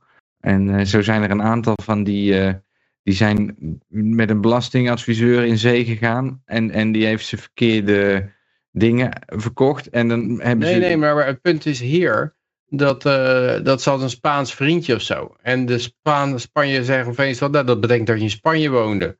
En eh, nou eh, wil de Spaanse belastingdienst geld van haar hebben. En ja, ik kan wel begrijpen dat je dat een beetje, dat je daar niet aan bij denkt bij een relatie. Ik ga een relatie aan met een Spanjaard. En ik, het heeft waarschijnlijk wel redelijk vaak in Spanje gezeten. En, maar daar moet ze miljoenen betalen. Wauw. Eh, het eh, ze- 17 miljoen betaald en, en dat 2 miljoen boete zie ik hier nog. eh, en eh, belastingontwijking tussen 2008 en 2010. Ik, ik, eh, ja, ik vind dat wel. eh, ik kan me voorstellen dat je denkt dat je er, dat je, dat je er last van hebt, maar eh, ja, de OnlyFans dame gaat er ook aan, denk ik. Eh, komt niet weg met, eh, ja, maar dit is charity. Nou, ik vroeg me dus af, is het mogelijk om op OnlyFans 0 euro per maand te rekenen? Want als er geen mogelijkheid is om niet te betalen, zeggen ja, ik, heb, ik, ik kan niks aan doen, ik moet wel geld vragen. Ja, zo werkt dat niet. Moet je gewoon betalen. Kijk, Maar- maar je kan het toch proberen? Nee, maar ik zei het net al, je, kan een, eh, je kunt een stichting oprichten. Een eh, algemeen nutsbogende instelling heet het in het Nederlands. In, een, eh, in veel landen heb je wel zo'n soort organisatievorm. Waarbij je doordat het nut wat je vult van de maatschappij, dat je vrijstelling voor belasting kan krijgen. Moet je wel voor, kunt- vooraf doen. Ja. Dat je je account op OnlyFans activeert. Nou ja, goed, ze kan opnieuw eh, ze kan dat eh, regelen misschien. Maar ik denk dat dat eh, de beste kans is, zo zou ik dat inschatten, voor iemand om iets mee mee te ik, ik kan me voorstellen dat het bestaat. Dat, je, dat er een case voor te maken is dat sommige dienstverlening ook op dat vlak toch liefdadigheid is. Ik zou aan de rechter gewoon vragen of ze de belasting ook in natura kan betalen. Weer flauw. Is flauw. Van, oh rechter, wat doet u nu? dat filmen, weet je wel. ja. Maar eh, zijn we al dicht bij de uitslag? eh? Oh ja, ik zal even eh, twee minuten zeggen. Ik- Oh, nog twee minuten. De NOS. Oh, en, en op nos.nl is het eh zeven minuten voor tien. Wacht, misschien moet ik even verversen. Oh nee, dat is de gemeente Schiermonnikoog. Is om zeven minuten voor tien geteld. Ah. Mhm. eh, eh, eh. Ja, het is live, jongens. Het is allemaal happening now. Eerste stem binnen voor de LP. Ja. Ja, ja, Echt waar. Eén Ja. stem. Eén stem in. Dat is dus die ene gemeente waarvan nu dus stem binnen is. Nou, waarvan dat? Schiermonnikoog. Schiermonnikoog? Oké. Ja. Gefeliciteerd mensen. 115% opkomst. Dat kunnen ze in Cuba beter. Eh, Oké. Toch 0,1% ongeldige stemmen. Dat is- Ja. hadden we het net over. Dat waren al die Frans Timmermans. LP-stemmers. Wel, Ik alle vind het andere. LP-stemmers. De Libertaire Partij heeft dus één stemmen. Dus die tellen wel voor twee, hè, die ene stem. Oké. Maar toch nog 16 stemmen voor de supranationaal socialisten van Volt. Dus dat is ook wel opvallend. Forum, 8 stemmen daar. Ik vind het sowieso raar dat sommige partijen eh, een zetel krijgen of zo. Van die ja 21 of dat soort eh, s- ja, splinterbewegingjes. Maar goed, Eh, dit is eh, De dan Partij van de Dieren, die krijgen wel drie, drie zetels of zo, toch? Ja, en eh, zeker op eilanden zoals, eh, waar was het, Schiermonnikoog. Ja, dat is wel logisch. Dat er wat meer ja, groene stemmers zitten, zeg maar. Ja. Maar goed, Maar dit- eh, Zit, dit is zit, dan dus de ook eerste een, eh, zit dus ook een libertariër op Schiermonnikoog. Ja. Eén stemmen staat er. Ja. Eén stemmen voor de Libertaire Partij. Die telt voor twee. Wat 50 plus, dat vind ik wel vrij grappig. 50 plus heeft ook één stemmen. En dat is een afname van 0,9 procent. En Libertariër is gelijk gebleven. Dus dat Dat is is, wel bijzonder inderdaad.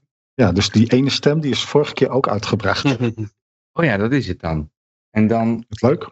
wonen er nu minder mensen op Schiermonnikoog dan toen. Maar dat is ook moeilijk. eh, volgens mij is het overal drukker geworden, ook op Schiermonnikoog. Wat bezielt mensen om op GroenLinks PvdA te stemmen? Wat verwachten ze nou wat er gebeurt? Ja. Ik heb zoiets van, ah, het, het mag nog wel zuurder, nog slechter. Ja. Wat- Er zijn heel veel wat Eh. irrationele mensen op deze planeet hoor. Ik zie hier uh, uitslaggemeente Schiermonnikoog. Opkomst 117,3 procent. Gaaf. Dat is hoger dan de vorige keer. Vorige keer waren, was de opkomst maar 115,5 procent. Oké. Ja. Het is nog groter, want het aantal kiesgerechtigden is gestegen. Dus een hoger percentage is ook nog over een hoger aantal. Oké. Uh. Dus wordt er een toetsenbord in elkaar geramd. 40 plus één stem. wordt niet in elkaar geramd. Het is gewoon normaal getypt. Sorry. Lef, Lef één stem. Oké. Man, eh, het belang van Nederland, de twee stemmen. Piratenpartij, de Groene, drie stemmen. Het, het is, eh, ja, frappant inderdaad. Volt, 16 stemmen. Ja, maar ja, het is een gemeente Schiermonnikoog. Ja, trouwens, het maakt niet uit natuurlijk. Maar Nee, maar als je dan kijkt, de LP 1, één stem. eh, SP 33 stemmen, zo 33 volbloed socialisten daar. GroenLinks Ja, PvdA verder. 240 stemmen, die zijn dik de Ja, maar- het is zo logisch, want er is al 50, 70 jaar alleen maar dezelfde bullshit op televisie. En Nederland is voor meer dan 50% 40-plussers.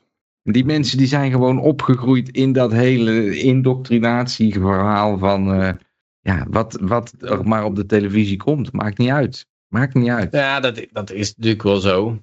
Eh, ja, aan de andere kant is het ook wel zo dat er een enorme backlash kan komen. Als je nou kijkt wat mensen bijvoorbeeld kijken nou op televisie, dan is het, is het niet meer eh, van die eh, high production Disney spullen of zo.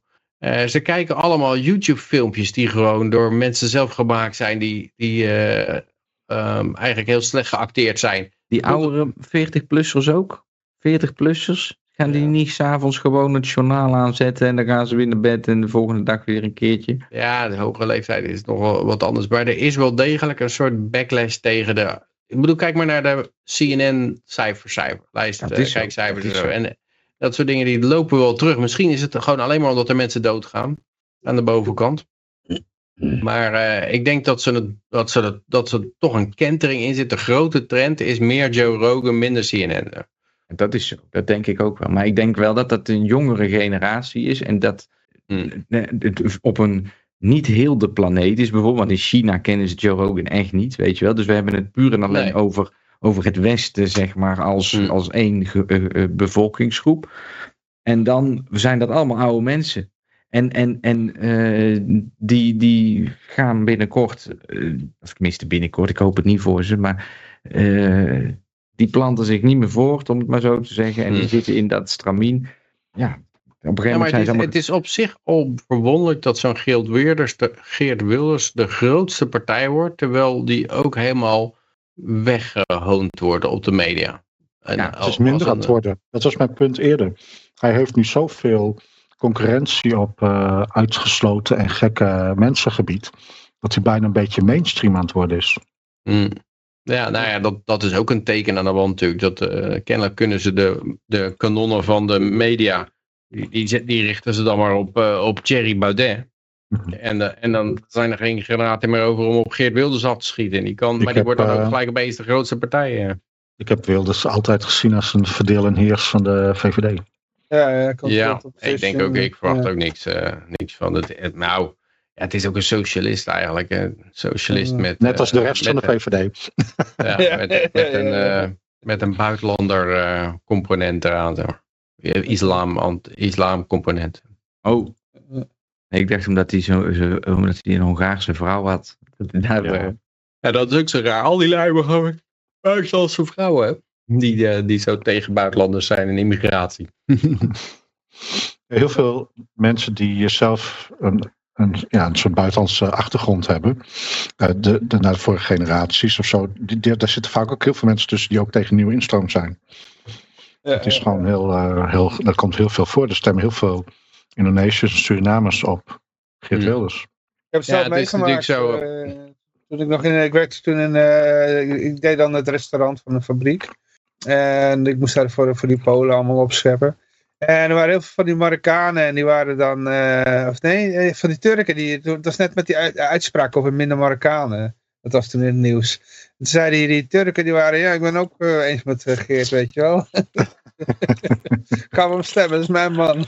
Maar het punt Ja, is een ja. beetje dat, dat als jij een, een, eh, aan de onderkant van de arbeidsmarkt zit en je bent buschauffeur, of zo, dan zit je niet te wachten op een enorme instroom van mensen die ook buschauffeur kunnen worden of zo. eh, want dan dat drukt je loon alleen maar omlaag. Dus je wil eigenlijk dat de spoeling eh, zo dun mogelijk blijft en de nieuwe toestroom tegengehouden wordt. Ja. Ja, we hebben ook nog wat reacties in de chat. Ehm eh, oh, Gordenberg Ruis. ja. Jongens. Gaat iemand zijn automatische volumecontrole aan. Eh, JF die zegt, eh, mijn stem is altijd ongeldig. Ik schrijf altijd, ik wens niet geregeerd te worden op een stembiljet.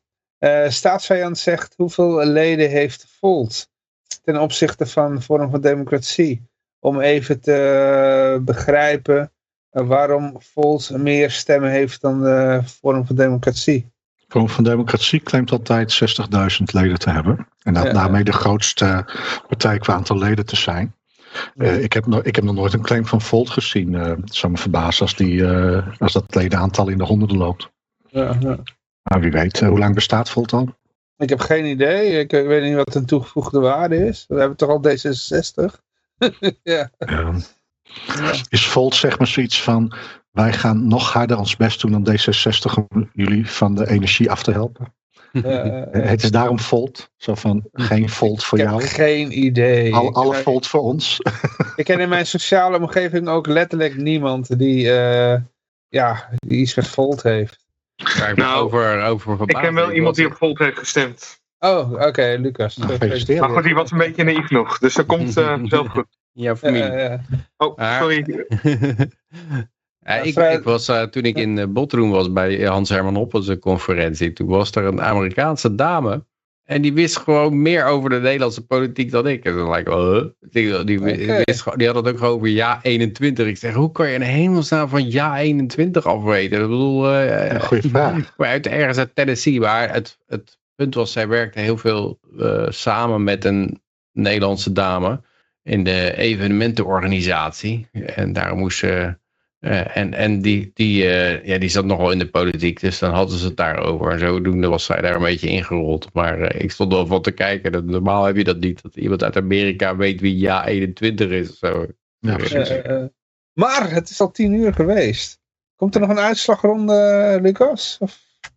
Ik zie nog niks binnenkomen. Net Nee. eh 10 seconden geleden. vers. Het staat nog op Schiermonnik ook. Ze zijn even naar de reclame, denk ik. Ja, eh, ja. ja ik eh, moet morgen echt heel vroeg op. Ik kan het ook gewoon hier aan laten staan en dan kletsen jullie maar gewoon door.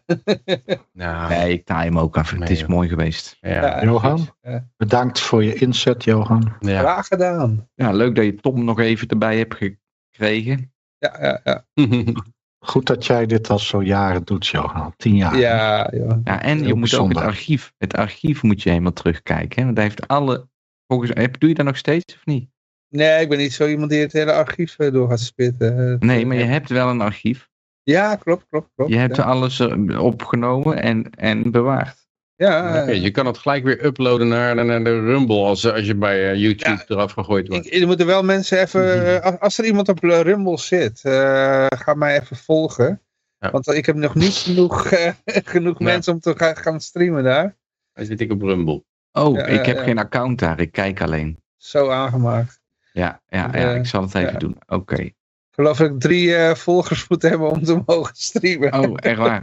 dan, re- dan regel ik het wel Ga even. je onder je eigen naam? Of, eh? Ja, gewoon Vrijheid Radio is het. Ja. Eh, eh, Oké, Nou, ga ik even doen. nou, dank jullie wel. Dan ga ik afscheid nemen. Jo. Ik, eh, ja, ik wil iedereen hartelijk danken voor het luisteren. Uiteraard ook jullie voor het deelnemen. Uiteraard zijn we de volgende week weer. En waarschijnlijk ook weer op woensdag. Want ik moet eh, werken op donderdag. eh, donderdag laat. Ehm, even kijken. Eh, nou ja, ik zou zeggen, ik wens iedereen voor elkaar een heel vrije eh, week toe. En ik zou zeggen, toedeledokie. En hier is de. Hoi, hoi. Hoi, hoi. Bye. Ah. Ook in het klein te worden. Dus, eh, Prima, toch? doe ik echt vroeg op. Laat ga je opstaan morgenochtend? Vijf uur. Oh, lekker. Ja, ja, ja.